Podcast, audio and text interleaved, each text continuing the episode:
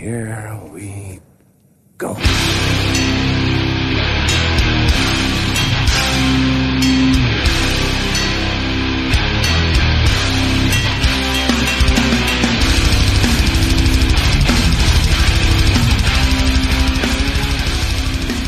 Ja men sådär då, då säger vi välkomna till avsnitt 113 av Nere på Nåd Podcast. Jag, Romy Lindblad, sitter här med Danne Nätterdal. Goddagens. Och återigen, ingen David Olsson. Eh, lite mitt fel den här gången kanske. Men han är ju tyvärr sjuk idag. Jag har precis repat mig från sjukdom så jag la in eh, pekfingret om att han stannar hemma idag.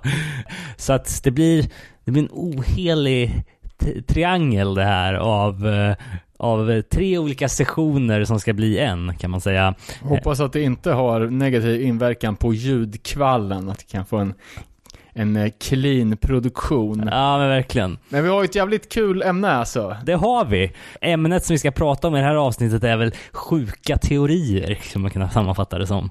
Alltså band som på något sätt eh, torgför eh, ganska så här, avancerade konspirationsteorier eller konstiga liksom inställningar till saker och ting i sina låtar. Men vi kommer till det. Vi ska som vanligt börja i feedbacklådan och Eh, Eh, ni som har koll på vår Instagram såg att jag la upp ett eh, inlägg från Mik Mikael Sola som mejlade in Tja, tänkte bara dela med mig av denna bild som jag hittat från protesterna i samband med politiska rättegångarna i Spanien.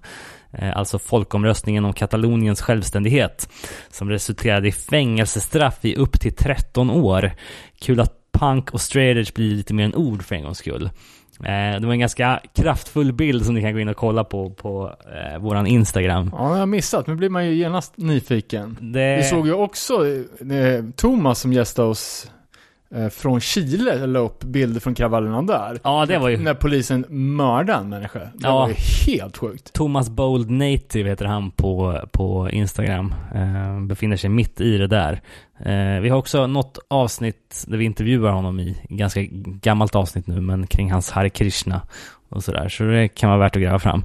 Sist så gjorde vi ju en liten eh, recapo av Sound of Revolution Fest och eh, det kom in lite där. Eh, Dan Johansson skrev underbart artwork som alltid. Det får vi credda David som alltid gör snygga omslag. Tobias Mattsson skrev Iceberg har inte varit straight edge på skitlänge utan vidare eh, historik. Det var ju... Eh, Det var så de sa. Ja, exakt. Eh, och det var ju också att de hade kickat sin sångare. Det lät ju som att man hade gjort det dagen innan gig typ. Ja, precis. För att han hade gått på, på sponken. Precis. Eh, Martin Edgelius skrev in roligt att Robin för andra avsnittet i rad och på tal om No Turning Back frågar Danne om inte sångaren driver ett bokningsbolag. Kanske dags att kolla upp det nu. Och då är Mark här och rättar. Eh, Martin Vanden Huvel bokar för Loud Noise Booking.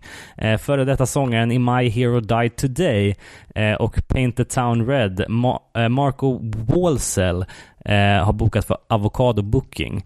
Eh, den som ansvarade för First Blood när jag spelade med dem bland annat. Mark skriver också, eh, här är bevis på er spaning om att vinyl numera säljer mer än CD. Nya High Power finns bara som LP. Istället för CD, vattenflaska. Ja, det var ju sjukt bra alltså. det gillar vi ju. Och sen skriver Rickard, gött att det nästan blev en podd om Philips historia. Vi fi- fick in lite gammal feedback. Jag vet inte, våran kära vän KA från Norge som är riktigt old school upplyste ju oss eh, MTV-generationen Kids att det minsann fanns andra digitalkanaler, typ Sky, som visade musikvideos innan MTV. ja, okej. Martin Kannert skrev från Göteborg, skrev om punkbandet Luss från Göteborg. Just det. Eh, Jag kommer inte ihåg att vi har pratat med dem, men eh, han bad mig upplysa dig om dem. jag, jag, jag ska inte svära på att det är så här, men jag, jag tror jag sagt i tidigare avsnitt också att jag kan ha suttit bredvid trummisen på ett bröllop för inte så länge sedan. Eh, Davids brors bröllop faktiskt. Okej. Jag tror att det var så att eh, de spelar faktiskt i Göteborg i lördags. Tyvärr låg jag sjuk så jag kunde inte gå. Men eh, måste kolla in. Ny demo på D-takt och råpunk records. Sen eh, skriver Martin även att so Suicidal vis videosarna visades på MTV från 84 och att även Minuteman hade ehm, en video tidigt på MTV, Ain't No Picnic-videon.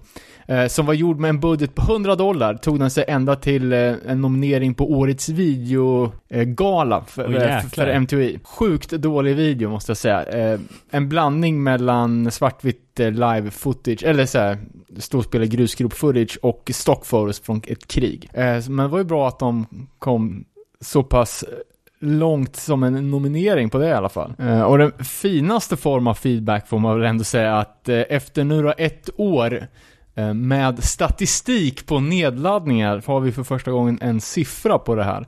Eh, som vi la upp på vår Instagram för ett tag sedan och vi har alltså haft 125 000 downloads på, på ett år medan vi kunde ha fått ut statistik på det och det är ju helt jävla otroligt. Ja, verkligen. 10 000 i månaden ja. Ja, det är helt sjukt. Eh, för en, en podcast som är helt independent, vi gör, all, eller så betalar aldrig för reklam, vi gör ju typ minsta möjliga för att sprida det här. Ja, ja, ja verkligen. Eh, så det är ju, och att vi har kört nonstop i fem år liksom. Ja.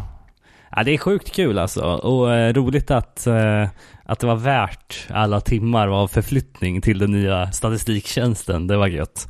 Men det är ju jävligt fett att folk sprider ordet och kommenterar, diskuterar, gästar, skickar in grejer och vi har ju ett eh, fint exempel idag eh, på folk som är med och bidrar så vi kan eh, göra det här ännu bättre i i fortsättningen. Det, det är ju det är där vi lever på liksom. Och det är också det som vi får peppen till att eh, göra de här avsnitten. Liksom att folk hör av sig och skickar in förslag på ämnen och är med och delar med sig av sin punk och hardcore. Ja, fan det är, det är asfett. Eh, ja, men vad fan. Ska vi hoppa in på eh, Hänt i veckan då? Och det är som vanligt en hel del som har hänt sen sist. Kanske mest aktuellt här nu då, för det är spännande att se vad det ska leda till. Det är ju vad Satanic Surfers och No Fun All håller på att kokar ihop. Eh, det är ju något slags 25-årsjubileumspaket, känns det ju som. Också att de, de hintar ju, det är någon jävla eh, eh, Destiny Booking Proudly Presents. Och eh, Out of Bounds är ju från 95 och även Hero of Our Time med Satanic Surfers. Så att man kan ju tänka sig att det kan bli någon form av. Jubileumskoncept. Ja, exakt. Fan, 25 år, det är ju ganska sjukt alltså. Ja, verkligen. Eh, Det här är ju skivor som man köpte nya liksom. Ja. Fucking hey. ja, det blir kul att se. Sen så såg jag att våran, eh, vi, vi var ju på den eh, i något tidigare avsnitt och snackade om Rebellion Festival. Vi har även tidigt i vår- poddens liv gjort ett specialavsnitt om just den här festivalen. Eh, och nu har de släppt hela line-upen för 2020. Det är ju väldigt många band, men bara för att ta några guldkorn då så har vi Bad Religion, Stiff Little Finger, Sham 69, Undertones, Anti-Nowhere League, GBH och UK Subs till exempel. Ja, man kan kolla in hela line-upen på rebellionfestival.com. Eh, jag vet inte om det här är specifikt hänt i veckan, men mm, det är nyheter för mig i alla fall. Och det är ju K-specialdokumentären England 79 som, eh, ja, den bygger väl på 40-årsjubileumet av eh, Clash-plattan London Calling. Eh, Och det var jävligt eh, sevärd, måste jag säga. Skitkul. Den verkar vara helt ny, för de diskuterar mycket om det nu, nuläget i England med med Brexit och drar ganska mycket paralleller till hur det var just för 40 år sedan. I, liksom i, i Thatcher-eran och hur hon kom in liksom och eh, rumsrenifierade renodlad rasism och på det sättet Mm. kunde vinna valet. Eh, och det är lite sjukt hur man ser liksom att svenska politiker idag hyllar Thatcher. Ja, Det finns ju många kvinnliga partiledare för blå-gröna partier som har sagt att det är en stor förebild. Och man verkligen ser hur den här politiken typ slaktade arbetarklassen. Och alltså en stor del till att England är ett jävla u-land än idag. Är ju hur de eh, behandlar sitt folk där på, Ja. för 40 år sedan. Eh, De pra- pratar om engelska, alltså engelska samhället och eh, The Clash helt enkelt. ja fan vad kul. Jävligt kul och pratar också liksom om eh, punkrörelsen och det som fanns innan punk och skinhead-kulturen nämns lite. Mm. Om hur det var den första eh, mångkulturella kulturen liksom, där svarta eller karibiska im- immigranter och infödda britter möttes eh, liksom som, som jämlika bara genom kärleken till musiken och stilen. Ja, ja, ja. Eh, så det är ganska fint. Så jag blir sjukt sugen på att göra ett Clash-avsnitt. Där kan man ju också snacka så här, eh, alltså ett band som har påverkat så här generationer av, eh, av tonåringar liksom. ja, det finns, alltså jag var ganska sent inne på The Clash. Jag började lyssna på dem ja, typ, typ 2000. Jag har alltid liksom slängt dem under tåget för att jag, de alltså det var ju så allmängods liksom. Ja. Så jag har aldrig tänkt att man skulle börja lyssna på alla låtar så här. Men det är ju fan, det är ju ett sjukt intressant band med sjukt intressant historia. Och bara som, som jag fick reda på för kanske två veckor sedan att The Clash var ett köpeband. Jaha. Alltså ett boyband som var sammansatt av en manager. Åh fan. Man har ju tänkt att de har varit typ de truest of the true. Jag liksom. menar det.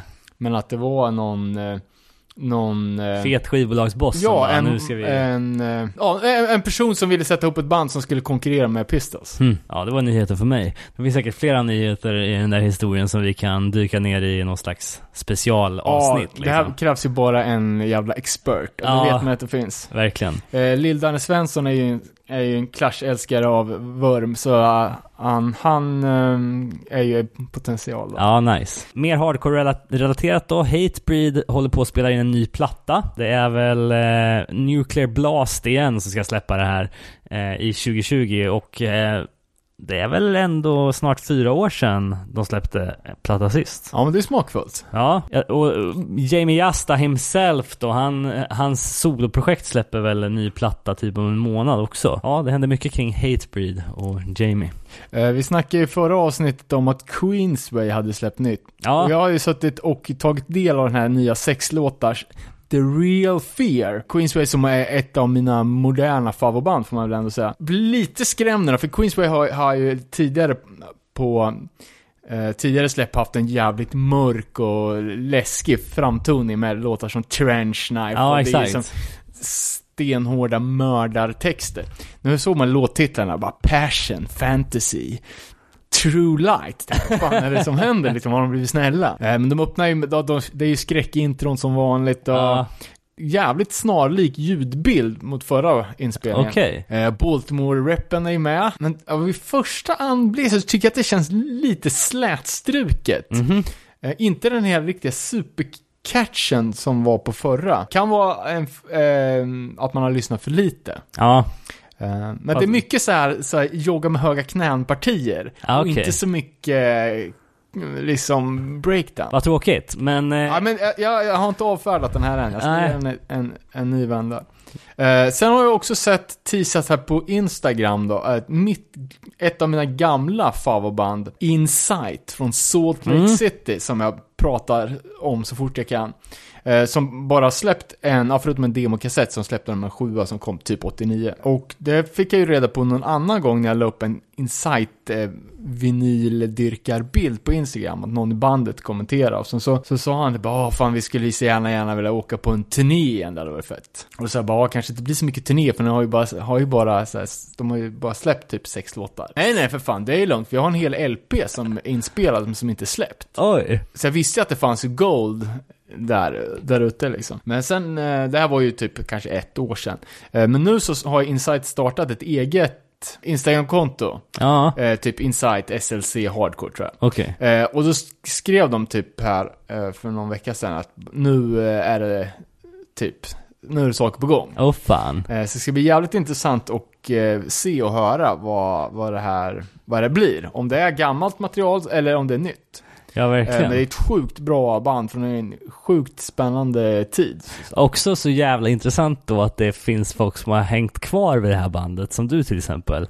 De släppte sex låtar där, 89 liksom. Att det ändå, för 30 år senare kan liksom Ja, ja det komma tillbaks och ändå ha en publik liksom. Det är så jävla sjukt. Men kul! kanske, kanske kan vara så att det är åtta låtar.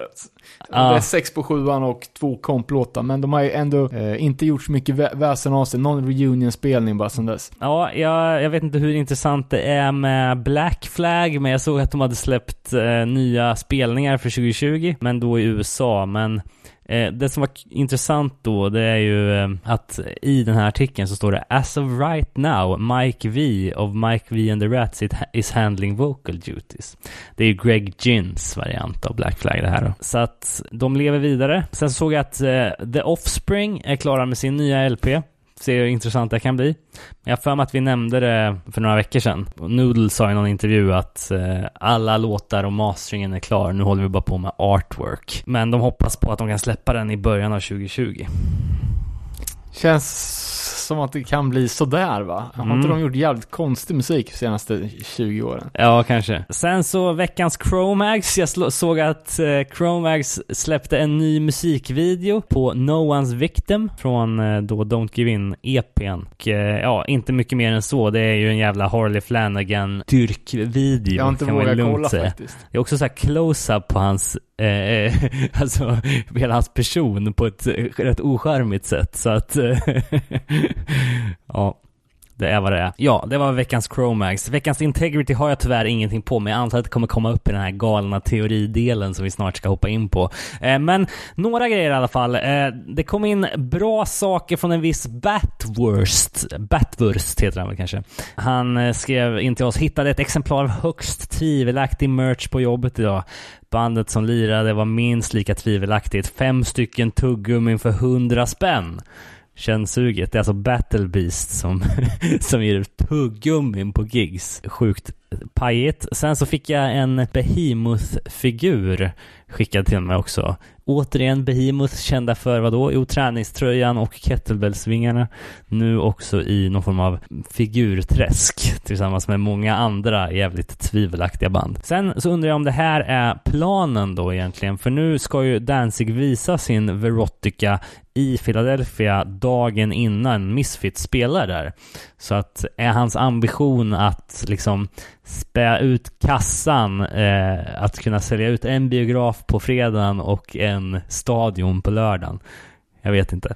Ja, för Per var väl på eh, New York-visningen innan New York-spelningen nu senast. Jaså? Så det känns väl som att de, han gör en, en, en filmkväll dagen, dagen innan gig bara. Och det kan vara mysigt. Men Men, fan ska vi se den här? Ja, vi- vi- vi måste ju vi- prata ner den här på något ja, vi, vi har ju pratat för mycket om det nu så det blir fan och, vi, vi kan lova att vi ser den till nästa gång, om den finns ute. Det blir bra. Eh, Jill Batin, eh, känner du den?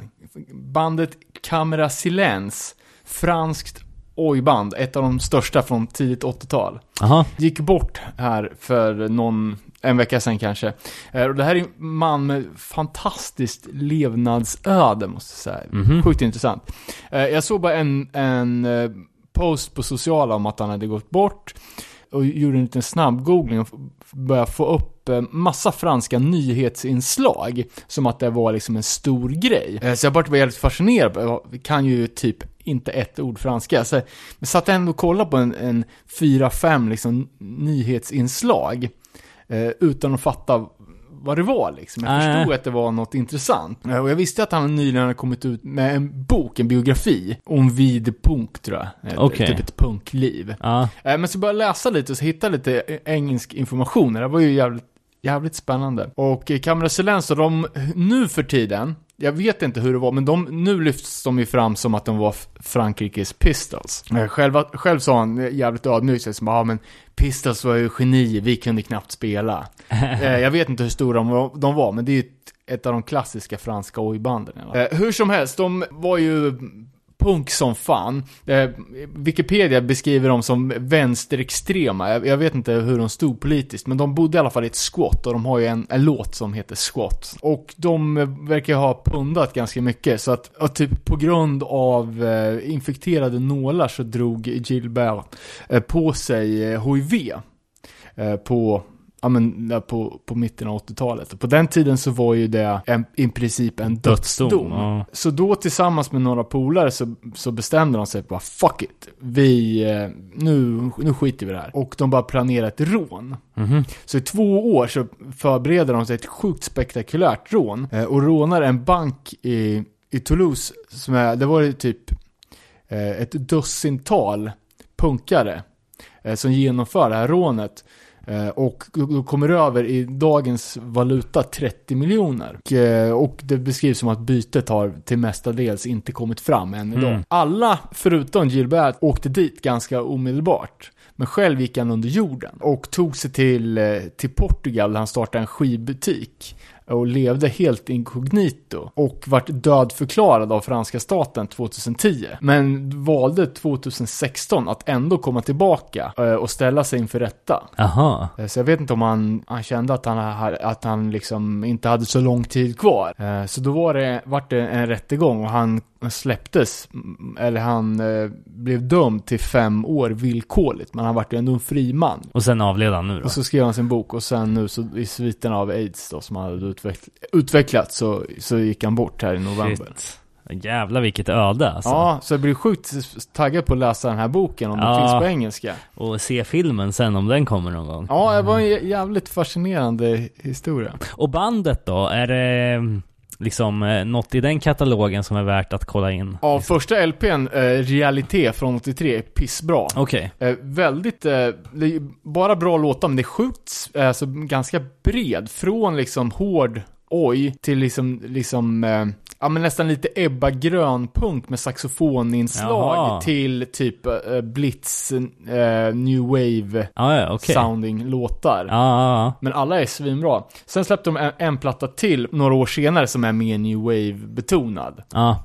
Men just realitet är svinbra. Men eh, det var väl det om det då, hänt i veckan. Rest in peace, eh, får vi säga. Och, eh, vi hoppar in i eh, avsnittets huvudämne som är, Udda teorier, ovanliga hjärtefrågor, precis. galenskap. Ja men verkligen. Jag har en liten, bara en liten så startpunkt nu då. Ja, Eh, Jag har googlat mig fram till lite statistik här. Eh, Topp 10 mest vanligt förekommande låtteman i punk och hardcore. Jag ska bara dra några då. Auktoritet slash polis, krig, klassfrågor, konsumtionssamhället, djur och miljö, regeringen, den Mm. ganska luddiga, rasism, religion, eh, feminism, jämställdhet, hbtq och droger. Och det finns ju tusentals, alltså eh, just på det sistnämnda drogtemat så är väl de flesta låtarna som vi lyssnar på antidrog, straight edge musik. Mm. Men det finns ju en helt annan Ja men alltså drogliberal sida av punken också. Men i övrigt så är väl nästan alla låtar likriktade. Liksom, det finns ju otroligt eh, få låtar som prisar regeringen. Det finns ju några, jag vet ju, eh, det finns väl ett fåtal i alla fall pro-polislåtar. Eh, Dropkick Murphys gjorde en låt, John Law, som är just det. liksom be, ja, besjunger den lokala polisens förträfflighet. Och ja, det är klart det finns pro-rasism-låtar också i nazipunken, men Ja, det ja. räknas ju inte. Men för, för det mesta så tycker nästan alla band eh, lika om, alltså, jag är också emot kärnvapenkrig. Det är liksom det vi kan, kan enas om. Men ja, några bara låtteman som mitt favoritband, Dead Kennedys. Eh, dessa, eller det är Jelly Biafras, hans lyriska genialitet. Eh, han, han har ju en låt, eller de, eh, Winnebago Warriors, som är mot husbilsturism.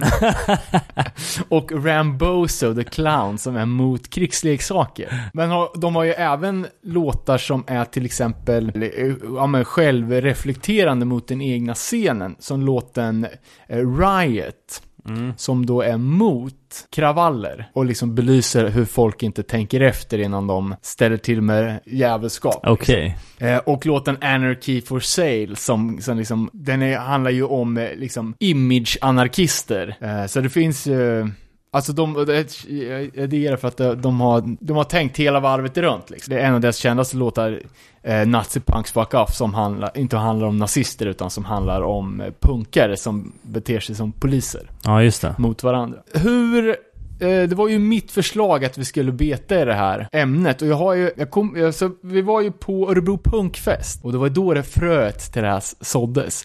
Eh, och då såg jag en gammal spelningsaffisch för ett gig som, det var ju fem år sedan, sju år sedan, tre år sedan, en spelning som aldrig blev av. Aha. Det både du och jag och David skulle ha spelat med vårt band Ill Blood. Var när vi skulle spela med bandet Kickback. Det vart ju lite snack redan då liksom om det här bandet och bokarna hade inte riktigt koll vad de var. Vissa sa liksom att de här är inte PK, de kan inte boka. Andra sa bara, äh, ni kan inte boka dem för de är galna. Eh, och jag är liksom gillar, jag är ett stort fan av Kickback musikaliskt. Men Alltså jag var ju lite, helt ärligt, lite rädd för den här spelningen, även om man var jävligt peppad på att få spela med kick. Ja, För att det finns en sån, alltså, ett sånt rykte om det här bandet, att de är sjuka i huvudet på Mm. riktigt. Och då främst, främst sångaren Stefan Besack. För hade mycket slakt av franska namn. Eh, så jag tänkte, bara fan det skulle vara kul att liksom bara kolla upp lite mer på det här. mm.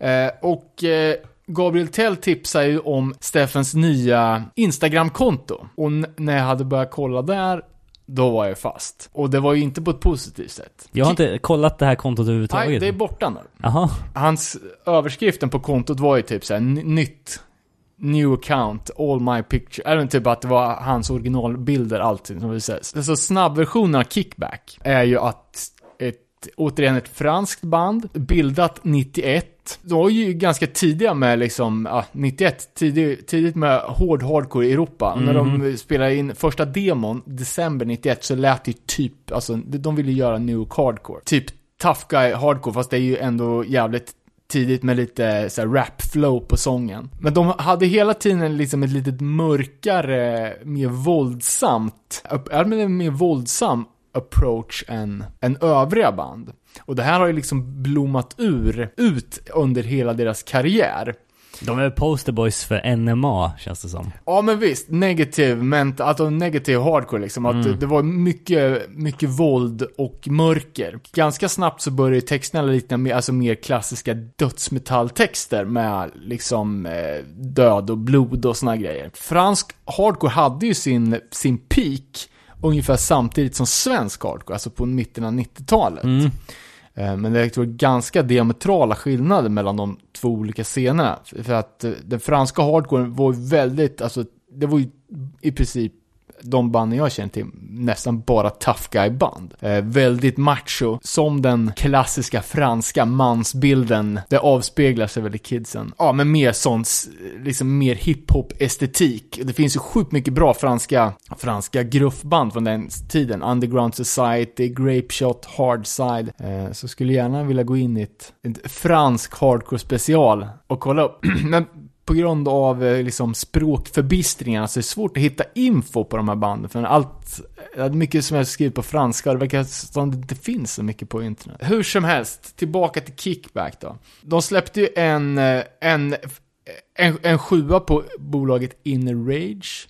Stefan hade ju själv eh, Hardway Records. Eh, som Det var där de släppte Cornered va, eller? Eh, Korn, första LPn släppt, släppt på ett bolag som heter Hostile. Okej. Och Hostile Records var ju bildat av en polare till dem. Ja, okej. Eh, och Hostile var ju lite mer eh, hiphop-betonat och släppte första CD med Beyoncé. Jaha. Vad Eh, fan sjukt. Och Kickback sam- samtidigt.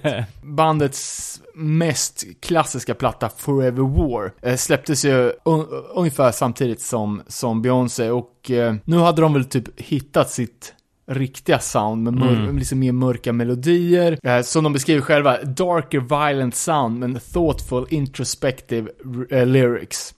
Eh, och de har ju såhär dark ambient outro, de börjar ju liksom eh, gå mer åt det industriella hållet. Eh, och ganska liksom, dels deras rykte och dels de personligen börjar liksom s- s- separera dem ganska mycket från, från hardcore-scenen, att de börjar Mm. bli liksom, ja här är hardcore-scenen, här är kickback. Ja, just det. Det var liksom ett avståndstagande från båda, båda hållen. För Kickback var inte, de var inte vilket band som helst, utan de hade andra agender. Var inne på sådana grejer som inte riktigt är korser inom hardcore.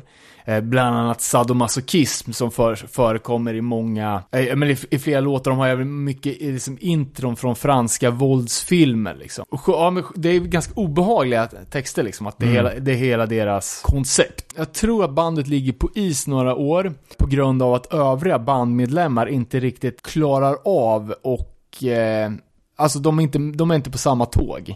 Eh, med den här mörka, ondskefulla viben som Stefan har. Eh, men med ett nytt crew, ny personal i bandet, så släpper de en sex låtars mini-CD där han säger liksom att nu har vi hittat vår grej. Samtidigt som Refused släppte låten New Noise släpper Kickback låten New Sadist. Och det är liksom bara så här, sexuellt våld, perversion, smuts liksom. Eh, och vad jag vill eh, beskriva liksom kickbacks tankegods som, det är filth culture. Eh, och det är någonting som jag har sett så jävla mycket på det här Instagram-kontot nu då, som jag börjar bli äcklad och jävligt fascinerad av. Men i, i släppet med Eh, i och med släppet på den här plattan, då har de brutit helt med hardcore-scenen. De eh, får inte spela på spelställena, de är bojkottade, deras distributionskanaler slutar sälja deras prylar och bolaget hotar till och med med, med att de kan få rätt, alltså att de kan hamna inför rätten för, för det material de har. På vilket sätt då? Att eh, liksom, att det skulle vara så pass eh, provocerande så att det skulle ha handla om förargelseväckande beteende typ, Typ. eller? Eh, vet, och de har ju jävligt mycket franska samplingar som jag inte vet, men man hör ju bara att det är sjuka grejer Ja. liksom. Men att det är liksom från obskyra liksom exploitation-filmer och kanske snuff och den biten som, där de hämtar in, inspiration till Mm. låtarna. Steffen skrev att hardcore-scenen hade liksom ingenting att erbjuda, eh, erbjuda utan att han hämta sin info inf- inspiration från typ industriell musik. Där eh, de var mer, ja men där de sjöng om sexuella fetischer och eh, seriemördare och sådana grejer. Eh, och bara för att avsluta då Kickbacks musikaliska innan vi börjar prata om Steffens privata förehavanden så släppte efter en, en eh, sex års uppehåll släpptes plattan No Surrender eh, som beskrivs som eh, av bandmedlemmarna själva deras mästerverk. Eh, och nu är det liksom lite mer noise hardcore, i- mina öron ganska likt Breach. Mm. I alla fall på öppningsspåren. 2009 kom den. Eh, Okej, så pass. Det var ju, vi hade ju ett ganska långt uppehåll där i alla fall. Mm. Eh, sen släppte de en till platta med fransk titel som jag har inte lyssnat så, så, mycket på heller. Men det, det som var intressant var ju där att de, eh, ett samarbete med en svensk eh, typ noise-industriartist som heter Christian Olsson. Jaha. Eh, och sista låten är en Ghetto Boys cover som de gör tillsammans. Det är jävligt Och den här oväntat. Christian Olsson dyker upp flera gånger. Eh, ja, och vad jag har lärt mig nu då om Steffen Bersaks privata förehavanden? Eh, mest då genom det här in- Instagram-kontot och sen vad jag har lyckats snappa upp olika, eh, jag var väldigt sparsmakat med intervjuer, men eh, vi hittade en intervju eh, som gjordes för nå- ett fanzine som var liksom ett, eh, ja men ett, ett filth culture fanzine. Och 2010 så lämnar han lämnar han Frankrike för gott då. Eh, och han beskriver det som att eh, avsaknaden av smuts, eh, det kvävande förtrycket av de politiskt korrekta och deras kärlek till mångkulturalism gjorde att han inte ville bo kvar i Paris längre. Shit. Eh, och han har sen, sen många år tillbaka rest väldigt mycket i Östasien och, och framförallt Thailand. Mm. Eh, där, han, där han bodde på de sunkigaste hotellen och eh, testade lokala droger tillsammans med prostituerade. Eh, och det är en klassisk kickback-bild som, som var som en affisch till No Surrender-plattan. När Stefan själv sitter och drar rökheroin tillsammans med thailändska prostituerade. Bara ha den bilden liksom som affisch i skivan är, jag. Ja, jag, Ganska out there jag tog mig friheten att översätta titlarna på EPn från 2000. Eh, den heter ju Les 150 Passions Muerte, någonting. Eh, The 150 Murderous Passions. Eh, och även den eh, senare eh, från 2011 eh, som jag inte ens ska försöka uttala, men den heter typ And the Devil Ride, Ride With Us eller någonting sånt. Eh, och det är ju liksom återkommande med liksom från första The Meaning of Pain till liksom sista releasen så är det ju på samma tema liksom. Vilket man får respektera på ett sätt liksom, så är det ju stenhårt att hålla den grejen konsekvent. Men det känns som att man gör det, han gör det ju för att han är sjuk i huvudet. Ja men Inte alltså, att- det, är- alltså hur många, framförallt metalband har inte alltså, så våldstexter och Ja, så där exakt. inget mer. Grejen är att det här börjar ju kännas som att det finns liksom ett frö av sanning bakom Mm. imagen. Och det är ganska, alltså Kickback är ju ett av, tycka vad man vill om, om bandet och vad de pysslar med. Så är ju ett av de mest välkända europeiska hardcorebanden i världen. Jag vet inte om de la ner där i samband med att de s- sket i Europaturnén 2013. Ja, men de, de två inställda spelningarna i Sverige gjorde att de inte åkte på Europaturnén och valde att lägga ner bandet. Åh, det, var, jävlar. två- det var 2013. Shit. Så, så, eh, så eh, anti-kickback-lägret kan ju ta cred för att Sverige i alla fall var de som satte punkten för det bandet. Men någonstans måste man ju, alltså man kan ju fascineras av eh, Mannen, myten, legenden. legenden utan att skriva på någon typ av eh, godkännande doktrin. Precis. Eh, Det som, det som han gillar med Thailand då, som gjorde att han, att han till slut flyttade dit var ju deras, eh, ja men, eh, levnadsfilosofi, My Pen Rai. Eh, översatt då, never mind, no problem. Att Mhm. allting är okej. Det Okej. finns inga gränser. Och även för att, att både prostitution och porr är olagligt, eh, och att droglagarna är väldigt, väldigt strikta, så sker ju sexhandeln helt öppen och så även droghandeln och det är liksom inga problem. Nej, nej, nej. Eh, att hela, hela landet är en väldigt stor liksom, motsägelse och att det finns extremt mycket dubbelmoral. Just det.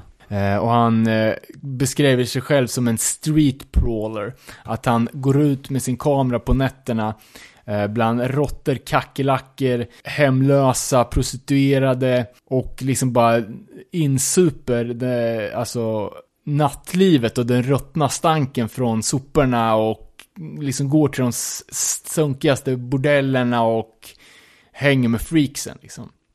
Och han dokumenterar det.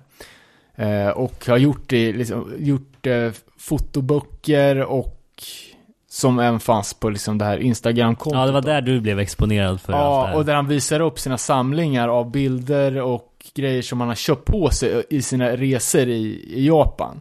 Och allting kretsar ju runt död, sex, det perversa, det sjuka, det smutsiga.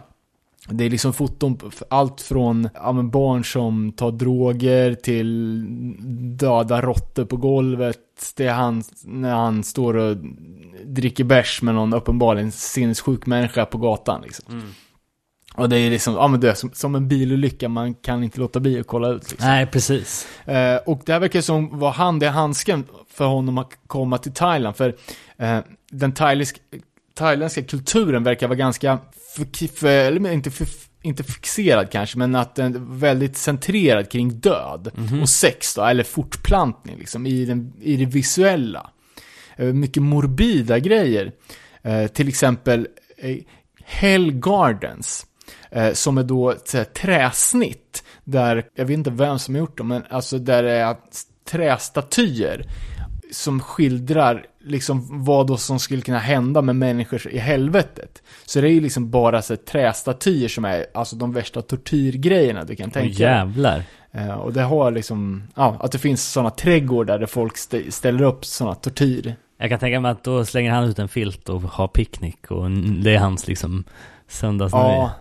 Ja. Eh, och all liksom typ av, eh, ja men, asiatisk porr, går runt, alltså på massa museer, allt som handlar om död, och sjukdomar och tortyr och så. Ja. Men sen också att han har hängt, hänger med ett, ett eh, community då. Eh, och det är ju ganska annorlunda, det är ju liksom i den, det skulle inte hända i Sverige om man säger så, och förmodligen inte i, i Frankrike heller. Men då, det är alltså i den, i det buddhistiska Thailand då, så, så finns det folk liksom som jobbar på sitt karma. En hinduistisk grej, men eh, han beskrev det här som, som eh, det var en buddhistisk grej i alla fall. Eh, och då finns det folk eh, som samlar upp lik från till exempel våldsbrott eller bilolyckor. Så, så fort det har hänt en bilolycka så, så går det liksom, tänk att det är ungefär som i Sverige har vi när, när det kommer en eh, unik stare till Hornborgasjön så går liksom smset ut till alla fågelskådare. Så här gör det då bara att nu, nu finns det ett lik i den här bilolyckan, ännu en packad turist som har kört ihjäl sig på, på moppe liksom. Eh, och då blåser de dit, tar liket och kör det till sjukhuset för att kunna rädda organ för donation. Och det här gör folk då för att bättra på sitt karma. Mm. Men Steffen hänger på då med sin kamera och typ han lever livet och kollar på döda människor och så. Shit. Eh, och, Det låter ju som att han har någon form av fetisch alltså. Ja. Typ. Att han eh, når någon form av upphetsning Ja. av att vara nära det där liksom. Eh, och han skriver även i en intervju att det har gått så långt liksom som att det finns konkurrerande eh, likuppsamlargäng då. Så att det till och med föregår skjutningar mellan de här gängen om vem, vilka det är då som ska kunna ta hand om de här människorna och köra dem till sjukhuset för att eventuellt kunna rädda en njure Fy och bättra på karmat. Det Liksom. är fan vad sjukt. Eh, sen berättar han också om en grej då som han haft eh, förmånen att få uppleva. Eh, och det är att eh, det finns liksom någon typ av fattigmansbegravning. Eh, att eh, man jordfästs bara för en tid. Och sen då får man ligga i några år för att sen bli uppplockad och kremerad. Eh, för att då ge plats åt nya som Ja. får, ha, får ha en korttidsjordfästelse. Mm. Och jag antar att det är någon religiös grej då, att de är emot, ja men som att vissa kristna inte vill kremeras för att det, Nej, nej. att det är en strid mot tron liksom. Att då, men då får de en, en temporär jordbegravning. Eh, och då, kan, då, då plockar de upp liket efter tre år i jorden, rengör och sen bränner de det. Och då hade han sett, sett ah, att, eh, jag har haft turen att ha fått närvara på vissa av de här grejerna. Shit. Eh, och så är även en bild som, eh, som jag tror andra har sett också på när han eh, var nere i några kom- katakomber och eh, höll på med gravplundring. Ja just det, men det är ju en klassisk, En klassisk eh, kickback-bild. kickback-bild. Också, eh, liksom, om man tänker på att man ska se kickback live så tänker man att man tänker sig se sån rekvisita på scen. det, liksom, det hör till. Tillsammans, liksom, det är de bilderna som kommer upp i huvudet i alla fall. Ja, ja, jag har aldrig sett kickback, men det beskrivs ju som att det är ganska vanligt förekommande våld mot publiken. Ja, Eh, och det är en klassiskt liveklipp när han bara tar ut mixsladden runt halsen på någon och stryper ut någon Ja. jävel från främsta raden. Liksom. Boken då som handlar om de buddhistiska Hell Gardens i Thailand som, som Stefan släppte här ganska nyligen. Narok heter boken. De första hundra kopiorna finns med en eh, poster designad av Christian Olsson. Någon som har någon info på denna Christian Olsson kan ju hojta. Och som jag sa då, det, det sista som var den officiella spiken i kistan för Kickback var ju den inställda Europaturnén då. Och det var 2013. mm. Och sen dess har galenskaperna fortlevt. Jävligt intressant Ja. livsöde måste man ju säga. Jävligt mörkt också alltså. Det känns som att, eh, jag vet inte, det kanske finns anledning att återkomma till hans förehavanden Ja. vad det lider liksom. Ja, fan, man vågar inte googla för mycket. Jag är rädd för att få... Ja. här sökhistoriken kommer ju bli makaber om man fortsätter liksom. Det är det jag menar och det är mycket där jag kan tänka mig som är once you see it you can't unsee Ja, exakt. Ja, liksom. jag är ju sjuk, alltså. Nej, fan det här är lite mycket för min smak alltså. Ja. Jag tycker det är inte så nice. Förstår det, förstår det. Eh, Eller rättare sagt, det är sjukt onajs. Men det är fascinerande hur, vad fan det finns för folk där ute liksom. Precis. Eh, en annan take på det här med konstiga teorier då, det är ju, jag minns att eh, jag, när jag bodde i kollektiv så blev jag introducerad för det gamla grönsaksmangelbandet Slave Ark. Eh, som väl, eh, ja jävligt eco-defense liksom. Och sådär. Men också då eh, tillsammans med No Innocent Victim, Day of Suffering och lite så andra 90-tals band hatar abort. Eh, och liksom vad va, va, är slogan? Eller så här, all life is holy life liksom. Något sånt. Ja. Eh, respect all life liksom. Ja men alltså det här är ju, alltså det måste ju vara det mest tabubelagda ämnet för ett hardcore punkband att sjunga om. Ja, för att om man tänker på att komma in med ett sånt ämne i, i hardcore-scenen liksom. Nej men alltså det, det, det kan inte ens tas upp för diskussion. Nej, exakt. Men ändå så rättfärdigar man det med någon sån här twistad vegansk eh, liksom logik. Ja, nej, liksom. men det, fi- det finns ju två, två läger inom antiabort, eh, alltså ur ett hardcore-perspektiv. Och antingen är det ju eh, kristna, eller också är det ju eh, hardline. Och de har ju liksom två helt olika syn på det här. Eh, men det är ju konstigt, och jag kollar faktiskt upp på det här, det står ju fortfarande på, eller Earth Crisis har ju varit i, alltså det ständiga blåsvädret på, på grund av liksom For the Fetus som eh, var en gammal framework-text va, för 20 fem år sedan liksom. Eh, men det stod fortfarande på deras Wikipedia att bandet eh, "Abortion should remain as an option in some instances". Ja, Så exakt. det är ju ändå ett, eh, liksom, det är inte, det de förespråkar ju inte fri abort. Och det är ju samma sak liksom, många av de här grönsaksmangelbanden kommer ju också med den här ELF eh, åskådningen liksom att så här, ELF. ja alltså Earth Liberation Front, liksom att så här, allt li- liv är heligt liv och så vidare. Eh, men ja, det blir ju sjukt tacky, speciellt i en så progressiv eh, scen som hardcore-punken ändå är liksom, i Ja. många aspekter. Ja, och vi Eh. snackade väl eh, om i polska avsnittet när jag köpte alla polska hardline-kassetter jag kunde Just hitta på det. Discogs. Eh, och det var ju, alltså där är ju också både hardline och ett sjukt katolskt land. Eh, och där var det ju liksom väldigt framstående pro-life eh, Mm. band liksom. Mm. Men jag ska ta bara några mer grejer angående No Innocent Victim då.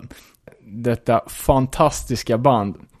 Eh, de har ju också på grund av sin kristenhet tagit ställning i eh, lite andra grejer av konstiga orsaker, eller ja. Eh, De har ju till exempel en antiporrlåt, det är inte så konstigt. Nej. Eh, låten Turn It Off, men det handlar ju, handlar ju om att Gud blir arg. Eh, sen har de ju även låten som är jävligt bra, Whitewashed Tomb, som handlar om att folk inte ska messa runt med det ockulta för mycket, för att man vet inte vilka krafter man kan släppa lös. Den är ändå kul måste jag säga. Men det är också så här, de, de går hela vägen på något vis. De låter sin helighet styra allt liksom. Ja, vi kan ju gå in på några mer grejer då. Det här, eh, jag kommer ju nu på lördag faktiskt träffa Bilda Kedjor-gänget för att gå lite djupare in på Catharsis eh, och alla deras eh, olika eh, teorier och eh, levnadsregler som de förhåller sig till. Eh, så man kan hitta jävligt mycket intressanta grejer i deras texter. Men vi vet ju att både Jens och Tor är bevandrade inom ämnet så det kändes inte mer än rätt att försöka bjuda in dem till det här avsnittet och eh, så det ska bli skitkul. Men eh, Jens, eh, han skickade lite olika små nuggets här för oss att prata om inför. Vi får väl se, vi kommer säkert också ta upp dem när vi träffas på lördag, men det här är ju någonting som man har tänkt på, kanske inte eh, riktigt så mycket på senaste skivan Rules från när den nu kom ut. Ja, Eh, vi är inte, ja det är rules i de de är First Blood. ja exakt. Vi gjorde, det var väl, kan det ha varit avsnitt 40 eller någonting? Ja, När vi intervjuade First Blood inför släppet av Rules. precis. Eh, det var ju 2017 faktiskt. Men eh, skivan innan dess, Silence is betrayal, har ju en hel del eh, politiska texter. Eh, men också lite så här konspirationsgrejer typ om 9-11 och sådär. Eh, jag vet inte vilken låt det är, men det är väl någon, någon låt som man så här, vill veta sanningen kring vad som hände de två tornen. eh, så att, eh, ja det är Och också... vem vill inte det? Nej, exakt. First Blood har ju alltid varit, ja men, dwelvat in i jävligt så här politiska grejer liksom. Eh, och eh, jag vet att det är fler band, även amerikanska Agitator har ju en 9-11 t-shirt som jag ägde en gång i tiden. Och där är så här, på framsidan är en bild av de två tornen som rasar och sen på på, på ryggen står det så här 9-11 was an inside job. Så att, eh, ja i övrigt då, andra roliga grejer som Jens skickade in, det var att eh, Good Clean Fun gjorde en låt mot internet i början av 2000-talet, loser.com. www.loser.com Men de gjorde ju också en, eh, en fantastisk låt om MySpace eh, några år senare. Ja, Som- eller ett klassiskt exempel på kappvänderi alltså. ja, verkligen. De gjorde också en l- låt mot mobiltelefoner. Ja, just det. Eller i alla fall att man inte skulle prata när man körde bil. Älskar Fun. Vilket också blev lag på det sen. Ja, precis. Det är, det är snarare sining. Ligga före i sin tid. Eh, Rambo, de gjorde ju en låt om Atkins-dieten. För eller emot, det avslöjar inte det här. Nej, verkligen. It was according to plan. We were like Lloyd and Diane. Two hearts in And then you know what she did. She met an internet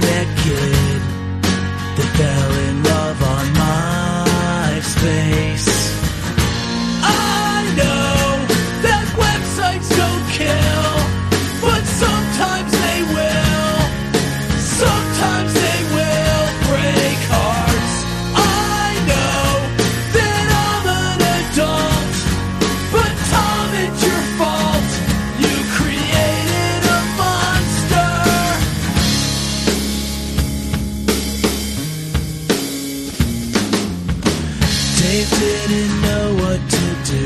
Yeah, he was Tom's victim too. Eh, och sen så eh, Soli i Ignite, han eh, vurmar man ju inte bara för djuren utan även för sitt hemland Ungern, vilket Jens ska ha hört har lett honom till en del antikommunistiska ställningstaganden. Eh, han nämner då mellansnacket på Pressurefest som ett exempel. Du var väl där Danne? Yes, jo men det var jag. Ja, men det, det handlar väl om, alltså på Our Darkest Days-plattan så finns det ju en låt eh, som heter Poverty for All. Mm. Eh, som eh, handlar om, alltså den handlar ju om f- 50 år efter, var det oktoberrevolutionen i, i eh, Ungern, 56 i alla fall. När eh, regeringen stödd av, eh, av Sovjetunionen störtades. Just det. Det här gjordes väl i prin princip samtidigt som det började knaka lite i Ungern igen. Och eh, alltså, de körde ju Poverty for All ganska tidigt i sättet senast när vi såg dem för en månad sedan. Ja, Eh, och då var det ju också eh, någon typ av fuck communism rant. Eh, och vad jag vet så är väl, jag kan inte dra några, något större band som kommer från ett forna Sovjetstat. Så man har liksom aldrig hört det här temat nej. torgföras liksom. Mer än liksom en anti-auktoritär liksom, eh, anti-kommunism. Men, liksom, men när, när det blir så här, liksom att det kommer lite från höger. För alternativet skulle ju då vara, vara kapitalism, som liksom de flesta inom hardcore-scenen skyr som pesten. Mm. Är min uppfattning i alla fall. Ja men verkligen. Eh, Så det, är ju lite, lite annorlunda liksom. Eh, Och sen just då att hur, eh, vi har ju snackat om att Ignite gjorde ju en, en låt som ett av de ungerska partierna hade som kampanjlåt. Jaha. Och, men vi kom aldrig fram till vilket parti det var, för jag, är inte expert på en, en nutida ungersk politisk historia. Men det känns ju som att det finns ju inga bra partier i Ungern. Alla var ju skit. Ja, jag spelar ju samma band som en eh, gitarrist från eh, Budapest. Eh, och eh, han säger ju det att det är ju liksom eh, det är gräsrotskamp där nu mot eh, fascistpartiet som, som leder landet liksom, som fick liksom 85% i valet liksom. Eh, och, och, att så här, kulturen har utarmats och sådär. Eh, men just eh, på tal om Ignite då, jag tycker det beskrivs så himla fint, men också så här eh, hur pass, hur pass mycket eh, Love It or Leave It USA är Soul egentligen för att eh, i låten Where I'm From där beskrivs ju både eh, upp, uppväxten i Ungern och flytten till USA. Ja. Eh, och, och båda är ju ganska nattsvarta skulle jag Ja. säga. Alltså, they didn't like my accent or how I looked, that's how I learned to fight liksom. Och eh, två jobb och English class och så vidare. Eh, men, men han kanske ser det som att han har lyckats, så då kan vem som helst lyckas. Det brukar ju vara så. Ja, Att, att, Jag vet, dels är det ganska o, ovanligt med eh, liksom eh, nationalism i hardcore-låtar. Just med liksom den här kärlekslåten till Ungern och... Slutet på Live for better days har jag aldrig förstått vad han sjunger. Där man alltid spolar förbi. Det är ju en lång tystnad där. Och sen så kommer det ju någonting. Uh, Eh. ja, jag vet inte riktigt vad du menar, kan jag inte dra den? På Our Darkest Days. Eh, samma sak med senaste plattan så har de ju en variant av Where I'm From fast helt på, eh, säger man ungerska? Ja, det gör man. men, Nej ja, men sen, Our Darkest Days är ju också väldigt mycket mot mot eh, den amerikanska regeringen och liksom Ja, krigsmaskineriet och hur de behandlar liksom sina veteraner och och Halliburton och... Ja, så att de är ju, de är ju inte flaggviftande amerikaner på, på det sättet. Nej, men det kanske, det är ju unikt med en person som kanske har sett baksidan av båda ideologierna och sen landar i mitten någonstans i en scen som är ganska kommunismvurmande liksom. Ja, eller åtminstone vänster, lite åt vänster. Ja, och det, det tycker jag man upplever eh, överlag så här typ att eh, den uppfattningen som västerlänningar har om eh, eh, kommunism inom eh, vänsterfalanger är av en helt annan typ än de som faktiskt har levt den. För där handlar det om ren fascism liksom. Så ja, det är intressant. Sen så har vi ju eh, några band som har skrivit lite om sex. Eh, Missbrukarna är ju ett eh, gammalt eh, punkband. Eh, som Kanske till och med ett hardcoreband. Ja, det kanske de är. Eh, ja, jag vet inte, vet du? Nej men det är ett av de banden som, som ligger där och skvalpar i gränslandet mellan punk och hardcore. Ja, Hudiksvall 84. jag, jag vet inte om de har definierat sig som eh, varken eller, men eh, de, hade, eh, de hade i alla fall en fäbless för sexualpolitik långt innan Iron. Med låtar som Sexkontroll, Var är all sex? Frågetecken. eh, och eh, Irons sexpositivism måste väl också ses som en hjärtefråga som står ut lite i den ganska pryda hardcore-scenen. Även om eh, det har varit lite av NoFX identitet också. Sen, sen har vi ju eh, Limp som ett konceptband om att vara gay i hardcore-scenen. Och även våra favoriter Gloss hade ju den här transvinkeln också. Men ja, det är bra grejer som Jens tar upp här måste jag säga. Ja, nej men det är ju en, alltså ganska, det är ju en tydlig avsaknad av sex i hardcore-texter. Mm, eh, Rent procentuellt. ja, verkligen. Ja, typ Asta Kask.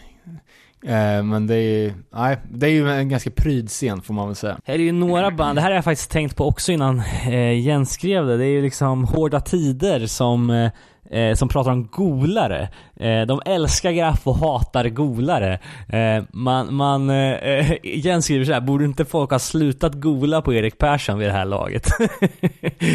Vilket är lite kul. Man undrar ju vad det finns för eh, bakgrund där. Och det är väl rent allmänt. Ja. Det är väl superklassiskt. Alltså, Jens skrev ju Madball Below som ett exempel, men alltså, Ja. det finns ju många så här, alltså Snitches Get Stitches precis. med Leeway och som också är titel på en låt på nya Agnostic-plattan som kom typ förra veckan. Mm. Så det är väl ett, eh, eh, jag tycker inte det faller in under udda teorier. Nej. Sen så har vi den här antimilitarism-falangen också. DS13 gjorde en låt som heter Jag hatar soldater, men det är också en åsikt som finns hos Anticimex i deras tidigare låt om FBU, alltså frivillig befälsutbildning. Ehm, som sedan översattes till engelska och blev klassikern War Machine. Ehm, men antimilitarism är ju inte jätte out there heller. Nej. Om man refererar till band som vi precis har pratat om. Som, Ja, men då skulle jag hellre säga att det är mer, mer udda om låtar som hyllar krigsveteraner. mm, Eller liksom tar ställning för, kanske inte för krig, men för soldater i alla fall. Ja. Så, ja men till exempel Ignite Veteran, mm, eh, Biohazard, ganska säker på att de har någon låt, de är i alla fall väldigt stor sak av support troops liksom och alltså eh, visar respekt för sina, sina veteraner. Strength for a reason. Stanford Reason har väl typ sex temaplattor på det uh, Streetpunkbandet Noise är ju också bestående av militärer och, och har liksom låtar om det.